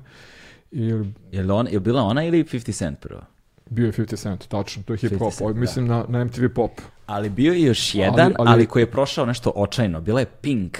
Da, Pink je bila na ovome sajmu, sajmu tako, da. ne, tako nešto, ali to je bilo nešto posle Metalike na, na, na, da. na, na, Pa dobro, tu sad malo dolazimo u, u sferu tih nekih... Uh, ona, Pink je meni onako pop rock, ipak je ona u sred tog koncerta odsvirala omaž Janis Joplin. Da. Za devojke koje nisu to, de, deca koji to nisu nikad čulo šta je Janis Joplin, što je lepo. Ono, Pink nekako meni ipak iz rock kulture izlazi. 50 Cent, isto m, bitno gostine koje otvorilo praktično Beogradsku arenu, to je ipak hip hop. Što se tiče Rijane, to je ono klasičan obrazac MTV popa koji kod nas nije bio. Zašto je to bitno? Zato što sam uh, video na tom koncertu, ja mislim, kompletnu turbo folk elitu koja je shvatila da se tim koncertom menjaju pravila igre. Mm. I da mlada ekipa de, iz škola, devojke, provala drugi fazan u gradu. i da je to drugi fazon to što dolazi sa zapada. To je MTV Pop koji je došao i koji je bio atraktivniji, privlačniji, više cool nego ovo što je radila to, Turbo Folk ekipa do tada. I onda su oni shvatili da moraju se modernizuju žestoko da bi mogli da održe se u igri. Jer odziv, to je bilo preko 14.000 devojčica. Da, to je, da, to je, bio, bio to je bilo prvi put da sam bio na koncertu gde su bila uključena svetla. Morali su budu uključeni iz razloga bezbednosti jer je tu nastalo jedno guranje na početku koje je srušilo ogradu, ali to sad nije toliko bitno uopšte. Jasno, Važno je jasno. da je taj koncert održan ovde kod nas u pravom trenutku kad je Rijena bila zvezda koja ide ovako u tom Da, ona je zapravo došla tik pre nego što je postala Pa i bio je Umbrella već, Pa da. uh, veliki hit i sva deca su to znala. Ali je point u tome da je to bio drugačiji kulturni model, kao što rekao, drugačiji životni scenarij koji je odjednom se pojavio na, na, na našoj sceni i posle toga je e, taj MTV Pop postao jednostavno novo, novo, novo merilo po kome se meri ono što je ve- velika po- popularna muzika ovde kod nas. A sad smešno zvuči kako ti kažem, ali sa Rijane je ipak lakše preći na disciplinu kičme Da, da, da. nego sa turbo folka. Čini se da to bila velika kulturna promjena koju je mlada generacija želela. Mm. Znaš, a da ne pričamo koliko je tih velikih novih mena prošlo kroz Exit i glavnu binu. Ne znam sad tačno šta biti od anegdote mogu da ti Pa, prepričam, ali... mislim, znaš, organizovao si, znaš, mislim, radili smo dokumentarni film o, o, o, tome kako je izgledalo organizovati koncert Prodigy-a Da, znam. 95. godine ovde i to je ono to je polugeril, to je, mislim ta, ta akcija je ta, ta akcija je sumanuta. Da. Totalno, znaš, sada Pa jeste, ali kako ti kažem, to je nešto što po meni bar visilo vazduhu, moralo se desi. mislim ti si tada potpisao ugovor Jesam, Mislim, ispričaj ljudima o čemu se, o čemu se, da, da da oslikam samo kako, kako, kako je izgledalo, koliko je zajebano zapravo bilo dovesti njih tada u tom trenutku ovdje, koliko je to bilo nestvarno. Pa bilo nestvarno na mnoge načine, ali e, znaš kako ti sad, šta- sad između svoje 30 i 33. godine, znači kad počinju 90. godine, kako, kako su bili, ti slušaš stalno ljude oko sebe koji pričaju kao nije vreme da se nešto, da se radi neki koncerti, nije vreme da se ne znam šta izdaju novine, nije vreme ovo, ono. a kad je vreme, mislim, izvinjam se, ja imam toliko i toliko godina i nemam drugo vreme. Tako isto, mislim da svi treba da razmišljaju realno, on, kako god hoće, stvarno. stvarno. I e, nisam teo propustim priliku jednostavno da guram neku stvar u koju verujem. I sad u tom guranju upisao sam projekte okolo, pa sam poslao projekat čak i u Ministarstvu kulture Srbije, tad je bila godina kulture, verovali ili ne. I onda oni mene stvarno pozovu na, na sastanak i kažu, pa da, znamo mi šta vi radite, kao, ali idite, na kraju je ispalo da nas savjetuju da idemo u grad. I mi smo stvarno otišli do grada Beograda i grad Beograd je bio partner u tom koncertu, jer je to jedini način bio da se uopšte uradi. Drugi je bio HMK firma, Ove, i e, nekako se tu sklopila ta poslovna nek- neka priča kako to može da se izvede u financijskom smislu. Ali mnogo je veće ludilo bilo da se to uopšte desi u Beogradu i to je prosto bilo jedno prepoznavanje. Ajde sad ja sam kao neko ko pratio muziku bio svestan da su Prodigy u toj generaciji rave bili ono što su bili Public Enemy za hip hop ili Sex Pistols za punk. To je taj band koji ima društveni angažman i koji je ispred sebe e, nije e, gurao, prosto nije, nije priznavao nikakve norme i bio je taj neki glas slobode u tom trenutku. Taj band nam je trebao. I sad ja sam naravno bio u fazonu, pa pokušat ćemo da dođemo do njih, jer sad sam već imao rutinu, znao sam kako se zovu strani bendovi. Ok, ovo je išlo možda drugim kanalima, ali ja sam znao da organizujem koncert do izvesnog stepena, ne tako veliki naravno, ali smo znali otprilike koji su osnovni elementi. Jer ti ako znaš odgovorno da uradiš mali koncert, verujem mi znaš da uradiš i veliki. To su isti elementi, samo su veće cifre. I sastoja se iz više detalja i moraš da imaš prave ljudi na pravim mestima. I to je sve. Ako imaš tim, a ja sam ga umeđu vremenu napravio, tu smo negde bili onda na pravom putu. Znači ja sam znao šta treba. Financijska podloga i dobar tim. A publiku smo imali. To uopšte nije bilo sporno. A pravi band smo imali. Samo je trebalo biti, to smo na tom projekatu na kojem smo radili, bo- tom se radilo jedno dve godine, godinu dana sigurno intenzivno i na kraju kad se to sve povezalo, da prodiži nisu bili takvi kakvi su bili, to, se ne, bi- to ne bi bilo tako legendarno. Oni sami su svirali prethodno u Dublinu, a godinu dana kasnije su svirali u Beirutu. Znači oni su sami bili test za muzičku industriju. Oni sami su bili protiv pravila muzičke industrije i sami su htjeli da to rade na način koji obezbeđuje popolnu kontrolu njima. Nisu htjeli budu u velikoj izdavačkoj kući, niti u velikoj koncertnoj agenciji kasnije, nego da direktno poznaju ljude sa kojima rade. I jednom kad te vide, onda te zovu uvek. Mislim, mi smo uh, prošle, prošle godine, jeli, dok su Prodigy radili i kad smo, kad smo, kad su do, kad smo ih dovodili na Exit i kad smo dolazili druge, znači stvarno se dešavalo da, da uh, oni kažu dobro, ali neka dođe Dragan. Da, da. I ja sam bio tamo na neki način i kao savjetnik i kao prijatelj i uh, kao neko ko dobro poznaje. Oni mene su stvarno u jednom trenutku pitali je li ovo dobro za nas? nije bitno za koje događaj. Ali stvarno, on, to je bio taj neki ljudski nivo koji se desio i publici 2095. godine kada je došlo. Prodiči su nekako prepoznali da su to ti ljudi iz, iz tog mm, sveta kome i oni pripadaju. Nisu oni našto bogati, naročito jadni Kit Flint i Maxim. To su ljudi koji su stvarno m, razumeli šta je ulica. Lam Howlett kao hipertalentovan čovjek je stvarno neko ko je imao neko predznanje mm. i uh, možda on iz malo više socijalne priče, ali ti su ljudi stvarno osjećali šta je ulica i shvatili su odmah kad su, kad su došli ovde kod nas da je ovde raf kod nas i da, da ali da se oni u tome dobro snalaze zato što su i oni nisu isforsirano bili raf oni su stvarno bili takvi ovaj, i bili su u fazonu kao, pa dobro, ovo je naša ekipa, kao, tako, kao, i to je palo jedno prepoznavanje koje je trajalo posle. I onda su oni jednostavno volili, jer kako oni luduju, tako i mi ludujemo i onda to ludovanje zajedničko je bilo prava priča za njih. I to ih je punilo energijom i da se ne lažemo, oni su u stvari u, u nekoj drugom, ovaj, u nekom drugom delu svoje karijere baš živjeli dosta od koncerata i to im je bilo, bio zamejac karijere, jer su kupili publiku na sličan način svuda ali taj koncert je ovaj, promenio mnogo toga ovdje i pokazao mnogim ljudima da je moguće ne samo promeniti nešto u muzičkom smislu, nego i u društvenom smislu, jer smo mi naravno u tom trenutku bili bar mlada publika kao geto unutar geta ovdje gdje smo živjeli i trebalo nam je to čudo i to čudo je moralo da se desi jednostavno i prosto ja sam radio sve što sam mogao da se to desi i desilo se. Da. I to je na neki način otvorilo put za mnoge druge i onda nije ništa drugo zapravo bilo, sve je drugo bilo čudo jer su kod nas čuda obavezna kao što sam rekao jednom prilikom ne, ne možeš bez tog stremljenja da napraviš čudo ni da napraviš ništa ovde kod nas, ali bilo je mnogo takvih priča iza scene koje su mm, lepe bile. Mislim ispričaš ti isto jednu deljivu priču ajde koja 86. godine sam imao priliku da radim uh, prvi koncert u životu i to nisam, 87. izvini, pravo, bio sam tad u studentu i bio sam jedini muzički kritičar koji je pisao studentu. I oni mene uh, pitaju tada, jel bi mogao sede 50 godina studenta, dobili smo SKC, ajde organizujemo alternativni koncert, jedan koncert, izaberi ti šta hoćeš u klubiću dole. I sad ja sam zvao bendove koje su to vreme bili m, zanimljivi, uključujući Nesalomive, Bourbon B, Uh, Gloria, to ti je nastavak onih plaćenika gde je bio Srđan Đile Marković um, i tako dalje. Tour Blanche, to je bio jedan zanimljiv reggae band, novi Oslobodioci iz Obrenovca. Međutim, ja nisam ništa znao mnogo organizacije koncerata. Ja sam mislio to pozoveš ljude, dogovoriš salu, uh, sve je organizovano, ali zaboravio sam da postoji jedna stavka koju sam naučio na tom primjeru, to je binska oprema. pitska oprema, publjevi, sve ono, sve kad se imao samo mikrofone. Ja dolazim na koncert da vidim da li sve u redu, naravno došao sam nekoliko sati ranije da proverim i legendarni tonac Caca Hare me pita gde ti je binska oprema? Rekao, ja šta je to binska oprema? A on kaže, pa znaš, to su ti bubljevi ovo, ono. Isto ja sam na dan koncerta nekoliko sati pre početka mog prvog koncerta i prvi put shvatam što je binska oprema i naravno niko nije rekao. U tom trenutku prolazi hodnikom tamo između srećne galerije klubića vd od svih ljudi. I pita šta je to neki problem? Ja rekao pa organizuje se neki koncert, a nedostaje binska oprema. Pa hoćeš ja da donesem? Ja rekao, ko, nisam znao da negde sviraš. A on kao, kako, da, ja ne znam čoveka uopšte. Kaže, pa da, da, moj band svira, ali volao bi da budemo onda uvršteni u taj program. Koji band? Doktor Spira i ljudska bića.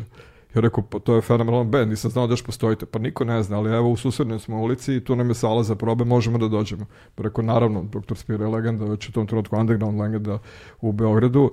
I tako mi je vod spasao prvi, prvi koncert u životu. Mislim, da. i e, ta veza sa novotalasnom generacijom, kao alternativnoj rock generaciji, je u tom trenutku postojala. Ja sam više bio alternativni rock promotor, šta sam ja 86. počeo zapravo, a on je 86. godine već išao nekim drugim putem, da to tako kažem. Ali je spasao koncert. Donao Spa, da. bubanj i donao ceo band koji je bio inače fenomenalan. I to ja mislim možda i jedine koncerte druge posle Dr. Spira i Ljudske biće koje smo imali priliku da vidimo tad, to veče. E, eto, to se možda nadoveze na onu priču koju si ti rekao.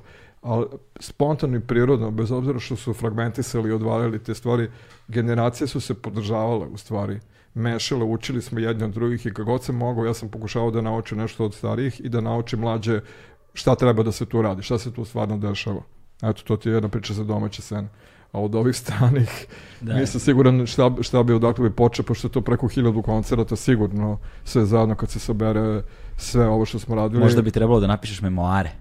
Pa to mi ljudi kažu, ali ja u stvari ne, e, izbegavam tu temu zato što bi mi onda izgledalo da sam završio nešto. A, ali- da, da, da, da. znam. Stalno, ali me, moje memari u stvari već postoje. Ja sam sve vreme ovo izbjegao, ja ne volim da se slikam mnogo sa, sa ovaj foto, kao fotoaparat pa da me slikaju sa nekim i da to skupljam, jer nekako to narušava tu, tu neko naše bratstvo kad radimo koncert i meni je to onda jedna situacija koja mi je malo fake. Da, Kao da. sad sam mi poziramo pa gledaj ovo, a, a drugi ljudi koji su objektivno u stvari novinari i vole da se tako slikaju, vole tu situaciju. Ja sam radio nešto drugo, ja sam svoj telefonski imenik koji, no, koji sam imao, koji imam još uvek sa sobom i uglavnom su bili razni akteri jugoslovenskih alternativnih zbivanja koristio kao dnevnik i kogod mi je bio drag kao booking, ja sam ga zamolio da mi napiše autogram. Aha, aha. I po tome kad pogledam se tačno sećam lokacije gde sam upoznao ovog ili onog gde mi se popisao Nick Cave, a gde mi se popisao Barry Adamson, ko zna ko je Barry Adamson. A, ili ne znam gde mi se popisao, nemam pojma, koga smo, ovaj, pa eto Ivan Dendo. To su situacije koje ne možeš ti onda da, da, da izbrišeš iz mozga. I sad imam jednu knjigu, jedan telefonski imenik koji ne mogu nikako da prodam jer je pun telefonskih brojeva raznih ljude koji stvarno postoje, ali koji mi je pun od početka do kraja autogramima tih ljudi koje sam upoznao. Nemoj I da, ga, nemoj da ga izgubiš. Pa dobro sad, ali ne znam ni šta da radim sa njim. Da, da. To mi je jedino za, Za mene. sad ništa, neka čeka. Za- Da, to je jedino za mene da me nešto ovaj, podsjeti, Mm. jer to stva, svaki taj popis je slika. Da. I ti imaš zapravo tu situaciju u kojoj si bolje nego, verujem, nego s fotografija koju bi posle otkačio, okačio na neki Instagram. I kad pogledam kako uh, su se potpisivali, ti znaš tačno gde su bili. Znači imam popis od rezidensa koji je nemoguće dobiti zato što si im dao posao pa se neko popisao od njih. Ili, uh, ne znam, sastavi koji su stvarno uh, prošli ovuda, većinom sam ih upoznao i uh, radio koncerte sa njima, pa uh, uh, to je interesantno. Oni svi žele da daju autogram još uvek. Bez obzira što sad mi živimo u jednoj vizualnoj kulturi. Autogram je nekako najtopliji način koji može da uspostaviš vezu sa nekim. Da. Tako da, Paul Welleru, kad kažeš ljubim, "O, to je normalno. Ali isto tako, nemam pojma nekom mlađem bendu koji nam je bio posljednji u Domu omladine Black Lips, na primjer. Oni su svi bili odušćeni, kao ozbiljno underground američki band novi, i isto da, autogram, da, da, da, kao i tako dalje. Ta starinska fora je mnogo toplija i mnogo iskrenija i, i čuva tu uspomenu na taj moment nego bilo koja fotografija, mada ih imam, ali ne toliko koliko bi neko drugi nakupio i ne interesuje me zaista. Meni je mnogo važnije da znam uh, gde sam bio kroz taj potpis. Da. I konačno što bih htio Imam da ti- ja jedan autogram koji bih mogao da, izviniš da te prekidam, koji bih mogao da uramim zapravo na novčanici od 5 dolara su mi se potpisali Rob i Erik iz Stivery Corporationa. Kad sam bio sa njima na toj maloj turneji uh, Zagreb, Beograd, Skopje kad su bili 2005. Jeste, godine. Da. To su lepe stvari. Ali eto, ti se sećaš po tim autogramima. Ali je, još jedna stvar, stvarno, a, to, su, to su sve lepa sećanja. Nikad ne možeš da zaboraviš da to sve što je bilo tad u tom trenutku je zapravo odmah prošlo. Mm. I sutra je već novi događaj. I svako ko se drži toga da će sad, ne znam šta to znači što smo uradili tad i tad, nešto veličanstveno, što smo uradili ne znam kakav koncert, a, ta je već prošlost. Samo postoji onaj sledeći događaj, sledeći događaj i sledeći događaj. Svaki sledeći događaj je jednako važan, mali, srednji, veliki. Je važan ne samo rezultat. Objektivno nisam ja važan. Važan je ono što sam uradio. A to su ljudi, to ljudi nekako propuštaju da, da shvate. Važno je ono što ste uradili. Ako ste uradili nešto, onda ste ost- ostavili trag i dali drugim ljudima priliku da budu to što jesu. I taj rezultat mora da, kao temelj jedan, posluže drugima da urade nešto svoje. Da, jebo te, sad sam se setio čoveče, zahvaljujući tebi sam upoznao Jana Brauna. Kada je to bilo? Dve, pete, tre, četvrte? 2000, ja, 2005. 2005. Jan, Jana Brauna sam upoznao 2005. I tad sam se zgotivio s njime, pa sam posle bleo i kad je bio na onom nekom jelen, dem, jelen Da, da. festival je neki bio na Kalemegdanu i haha, sad se to sve dešavalo. Da, pa O- eto, ali kažem ti, eto, Ivan Dendo bio na tom jelen pivu. Znači, tu imaš scene koje ne možeš da prepričaš. Na primjer, uh, Ivan Dendo koji ide u Biggs. A, I hoće da ide u i ju- s- s- čuo se tamo s ljudima, rekli da da imamo probu da vede ga i tako dalje. I onda idemo, Marija Sekulić se zove devojka koja je, mm, ovaj, tu bila hosti koja ga vozila, imala je jednu jedinu kasetu u svom starom automobilu uh, i to je bio Nick Cave. Uh, I onda on mi pustimo Let Love In, mislim to je sa Red, right, red Hand i tako dalje, sa tim čovjek počne peva. I sad mi idemo tamo od Hayata ka Bigzu sa Ivanom Dendom kojim punim srcem peva Nick Cave-ove pesme i zna ih sve na pamet. Mislim, znači, eto, kako sad to da prepečeš? Šta to znači? A to je uspomena koju ne možeš uopšte da, da pre, pretočiš ljudima, ali to je velika uspomena zapravo da doživiš tu blisko sa tim ljudima, jer mi isto se ovaj, ložimo, volimo te pesme, onda shvatiš da čovjek koga slušaš i o kome pišeš u krajnjoj mm. liniji i jednako muzički fan kao i ti. Da. On jednako voli neku drugu veliku muziku i jednako živi to. Da. I tu shvatiš nekako da smo mi ti svi nekako bratstvo i sestrinstvo i da smo odgovorni da podržimo jedne druge. Da. Sad, u tom smislu, kažem, moj rezultat je zapravo samo temelj za nekog drugog da produži dalje. Ništa Ili razgovori sa Blixom Bargeldom. Pa i to su... Taj, taj čovjek što ima da kaže. Da. Znaš, to je ono, i tako da... Um, to smo zajedno bili u, Jesmo, da. u Square Nine, ali već. Ili, ili priča, kad si već pomenuo Jan Brown na Exitu, da. uh, pred njih su svirali, uh, u stvari poslije njih su svirali Garbage. Jan da. Brown imao solo album i onda je on bio tu Shirley Manson koja je bila u fazonu, doći Jan Brown, Jan Brown, pa ja sam njegovu sliku držala na svom zidu, ono, godinama, bila sam zaljubljena u njega, ja imam tremu, gde baš ovde da ga upoznam i onda njih dvoje koji su se sklonili sa strane i sad mi tu, oni sede na klupi i čučere nešto i tako dalje, ovo kao da, da, kao Shirley, ti si fenomenalna zamo, kao ja, i tako dalje. Ja tada je Luja ona bila nesrećna čoveč. Da, to je kad su ga nas Garbage spasili, zapravo kad su, kad je, mislim, Exit na neki način odrastao kao organizacija i kad smo u pornošću sa, na, s naše naše strane, s druge strane publike, a s treće strane lično Shirley Manson koja je rekla dok publika tu, ja ne idem odavde, a naša publika ostala tamo gde će da ide sa potrebna dina, sa onom neverovatnim, neverovatnom olujom koja je trajala Uh, ne znam, 40 minuta recimo, ovaj, koja je zasula vodom, jer je vo, kiša padala ovako, horizontalno, bio je skroz smočen onaj, onaj stage, pa dok se to sad pokupilo vode i tako dalje, oni su ipak nastupali u tri. I, vrate, prvi, moja, moja najdrža kiša, moje najdrže blato, ikada ovaj prvi put Slayer u Srbiji kad da. su počeli sa Raining Blood i 3 sata kašenja taj pro, to je bilo Isto, ludilo. Pa nije bilo baš 3 sata kašenja, da. da me zezaš sad. Dobro, ne znam, nešto je bilo, ne, Snoop Dogg je kasnio 3 sata, nešto tako je te kasnio. Snoop Dogg je kasnio, ali to bilo zbog Lauryn Hill. A jo, jeste. Smo, bravo, Slayer su počeli u minut i to je bilo predivno vidjeti sve one metalce sa kišobrajem koji išli ludo i kiše pada ovak. Srećna kiše padala u tom preko vertikalno. Najluđe pa kašnjenje, najluđe kašnjenje na svetu, priča koju stalno prepričavam je Shane McGowan.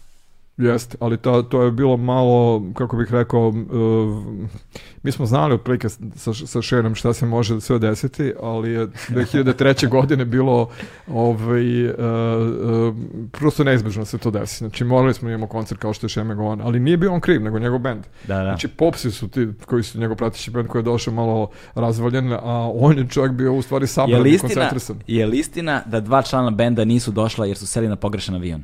Ne, ne, ne, oni su zakasnili zbog toga. Aha. Svi su došli, nego, nego su zakasnili su, zato što je, im je pobegao avion. Nisu seli na pogrešan avion, nego su seli, na, su zakasnili su na aerodromu, na pogrešan na, na avion, pa su onda došli popodne tek. Ali A, ste su došli u, na, u Budimpeštu, pa su išli kolima iz Shane je došao preko Budimpešte Dublin, to nešto, nije bilo da. direktno leta iz Dublina, pa smo ga onda kolima vozili, ali on je u stvari izašao priseban. O, ostatak bende bio poprilično razvaljen, a ovaj njegov menadžer je samo pitao hoćemo li imati ono što treba, a u Raideru je velikim slovima pisalo ovako, jedna krigla ovako udana, pa široko gore, uh, uh, viski i pivo. I to da ga čeka, on je imao jedan poseban onako prsten koji se zakači na mikrofon i to da tamo stoji. Mislim, evo, Aca Celtic nam je sve dok še nije promašen ni jedan stih. Da, i, ovaj, i imao je na otvoreni bini ventilator da mu duva. Da. To mi je... to je nekad zahtev, znaš. Kakav gospodin, se... kakav ali gospodin. On, on, se, on se fenomenalno držao. Mislim, vjerojatno nije znao gde, ali... Da nije poenta priča, i svi očekuju da Šerin padne sa bine, ali to se duše nije desilo. Mislim, nego čovjek je održao vrlo legitimno dobar koncert i mi smo imali ono što smo želeli, jednog od heroja u, u Srbiji.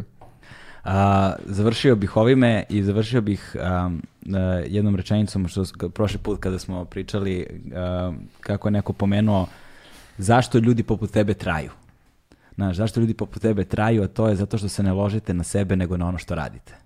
Da, to je rekla naša fotografkinja Vesna Pavlović sve vremeno na jednom uzbrukanom ludom koncertu na akademiji kad su svi poludili nešto, skakali, gurali se, ja sam Stevan Bino sa strane gledao da nešto ne krene naopako jer neko mora da bude na, na partiju taj koji će da obrati pažnju da svima dobro i da nema te ove greške ovaj, a, a, koja, bi, koja bi minirala celu stvar Vesna koja je fotografisala i on mi se kaže, e pa kao to mi je predivno kao ti se uopšte ne ložiš na sebe ja rekao dobro Vesna pritom oboje smo u tom trenutku u svojim 20. godinama ne znam šta mi priča o onog galami i buci ali istina je uh, moraš da gledaš rezultat moraš da budeš fokusiran na to šta ti je rezultat sve ostalo je ono, ono ostalo. Mislim, nije, nije to sad toliko. I to su inače stvari koje naučiš na Dorčulu. A mi smo ovde na ivici Dorčula, da. Da, da, da. To su stvari koje vrlo brzo naučiš na Dorčulu, izvini, ne smeš, ne, ne smeš da se ložiš ni što, a pogotovo ne na sebe, nego na ovim ulicama ovde nisi nikako mogao da se smeš, da se, da se dopustiš da se smeš ili uvijek te neko spusti. Ali mislim, to je realno bilo tako, kao ideš od ćoška do ćoška i uvijek može neki mangl da bude u fazonu nešto me nervira tvoja duga kosa i tako dalje. Mislim, jednom preko mi se desilo da Uh, ovaj, to još sam bili u osnovnoj školi, osnovna škola mi je braće Baruh, on, mi smo imali produženu nastavu uh, eksperimentalno i ja sad kao ovaj, ne znam zašto sam zaostao tu, ali ostao sam uh, a dva onako malo ozbiljnija mangupa iz, uh, kako se zove, starijeg odeljenja sede u učionici, otvorena su vrata, ja polazim hodnikom i što oni pričaju kao, e, ajde nekog idemo malo kinjimo. Rekao je, što čemu ovi ljudi pričaju? On kaže, da, da, ajde onog Ambrozića. Ovaj mu drugi kaže, ma nemoj njega pusti, on je lud, on stvarno čita knjige. Rekao je, kakav rating imam na Dorčulu. Nemoj njega, on je lud, on stvarno čita, Čita knjige. knjige. Ovaj kaže, pa dobro, onda nećemo.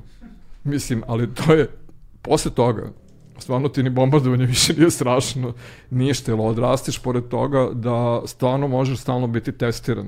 Mm. I ako si odrastao na onom starom Dorčelu, vrlo se ne ložiš na sebe. Vrlo ne smeš, znaš da to nije uputno, a na neki način je to deo neke uh, punk new wave priče. Svi smo zajedno važni i svi zajedno moramo nešto da uradimo, a neko će da povuče danas, neko će da povuče sutra. To je jedina, mislim, tu poruka, nema tu ništa drugog više od toga. Hvala ti puno. Hvala tebi. Hvala ti puno na vremenu, razgovoru, prijateljstvu, strpljenju i dobroj volji i nastavit ćemo se družimo. Mi smo stigli do kraja. Ma da nastavimo da radimo, pa ćemo da, da, da To, se to, vidimo. to, to, to, samo, ali dobro, ja se trudim, radim koliko, koliko mogu, meni, meni nije potrebno, Ti sam znaš koliko sam ti puta rekao šta treba da radiš, kako treba da i tako dalje i tako Trudi je, se, tako baš. Hvala, hvala, ti, hvala ti puno, stigli smo do samog kraja, to je to, ćao.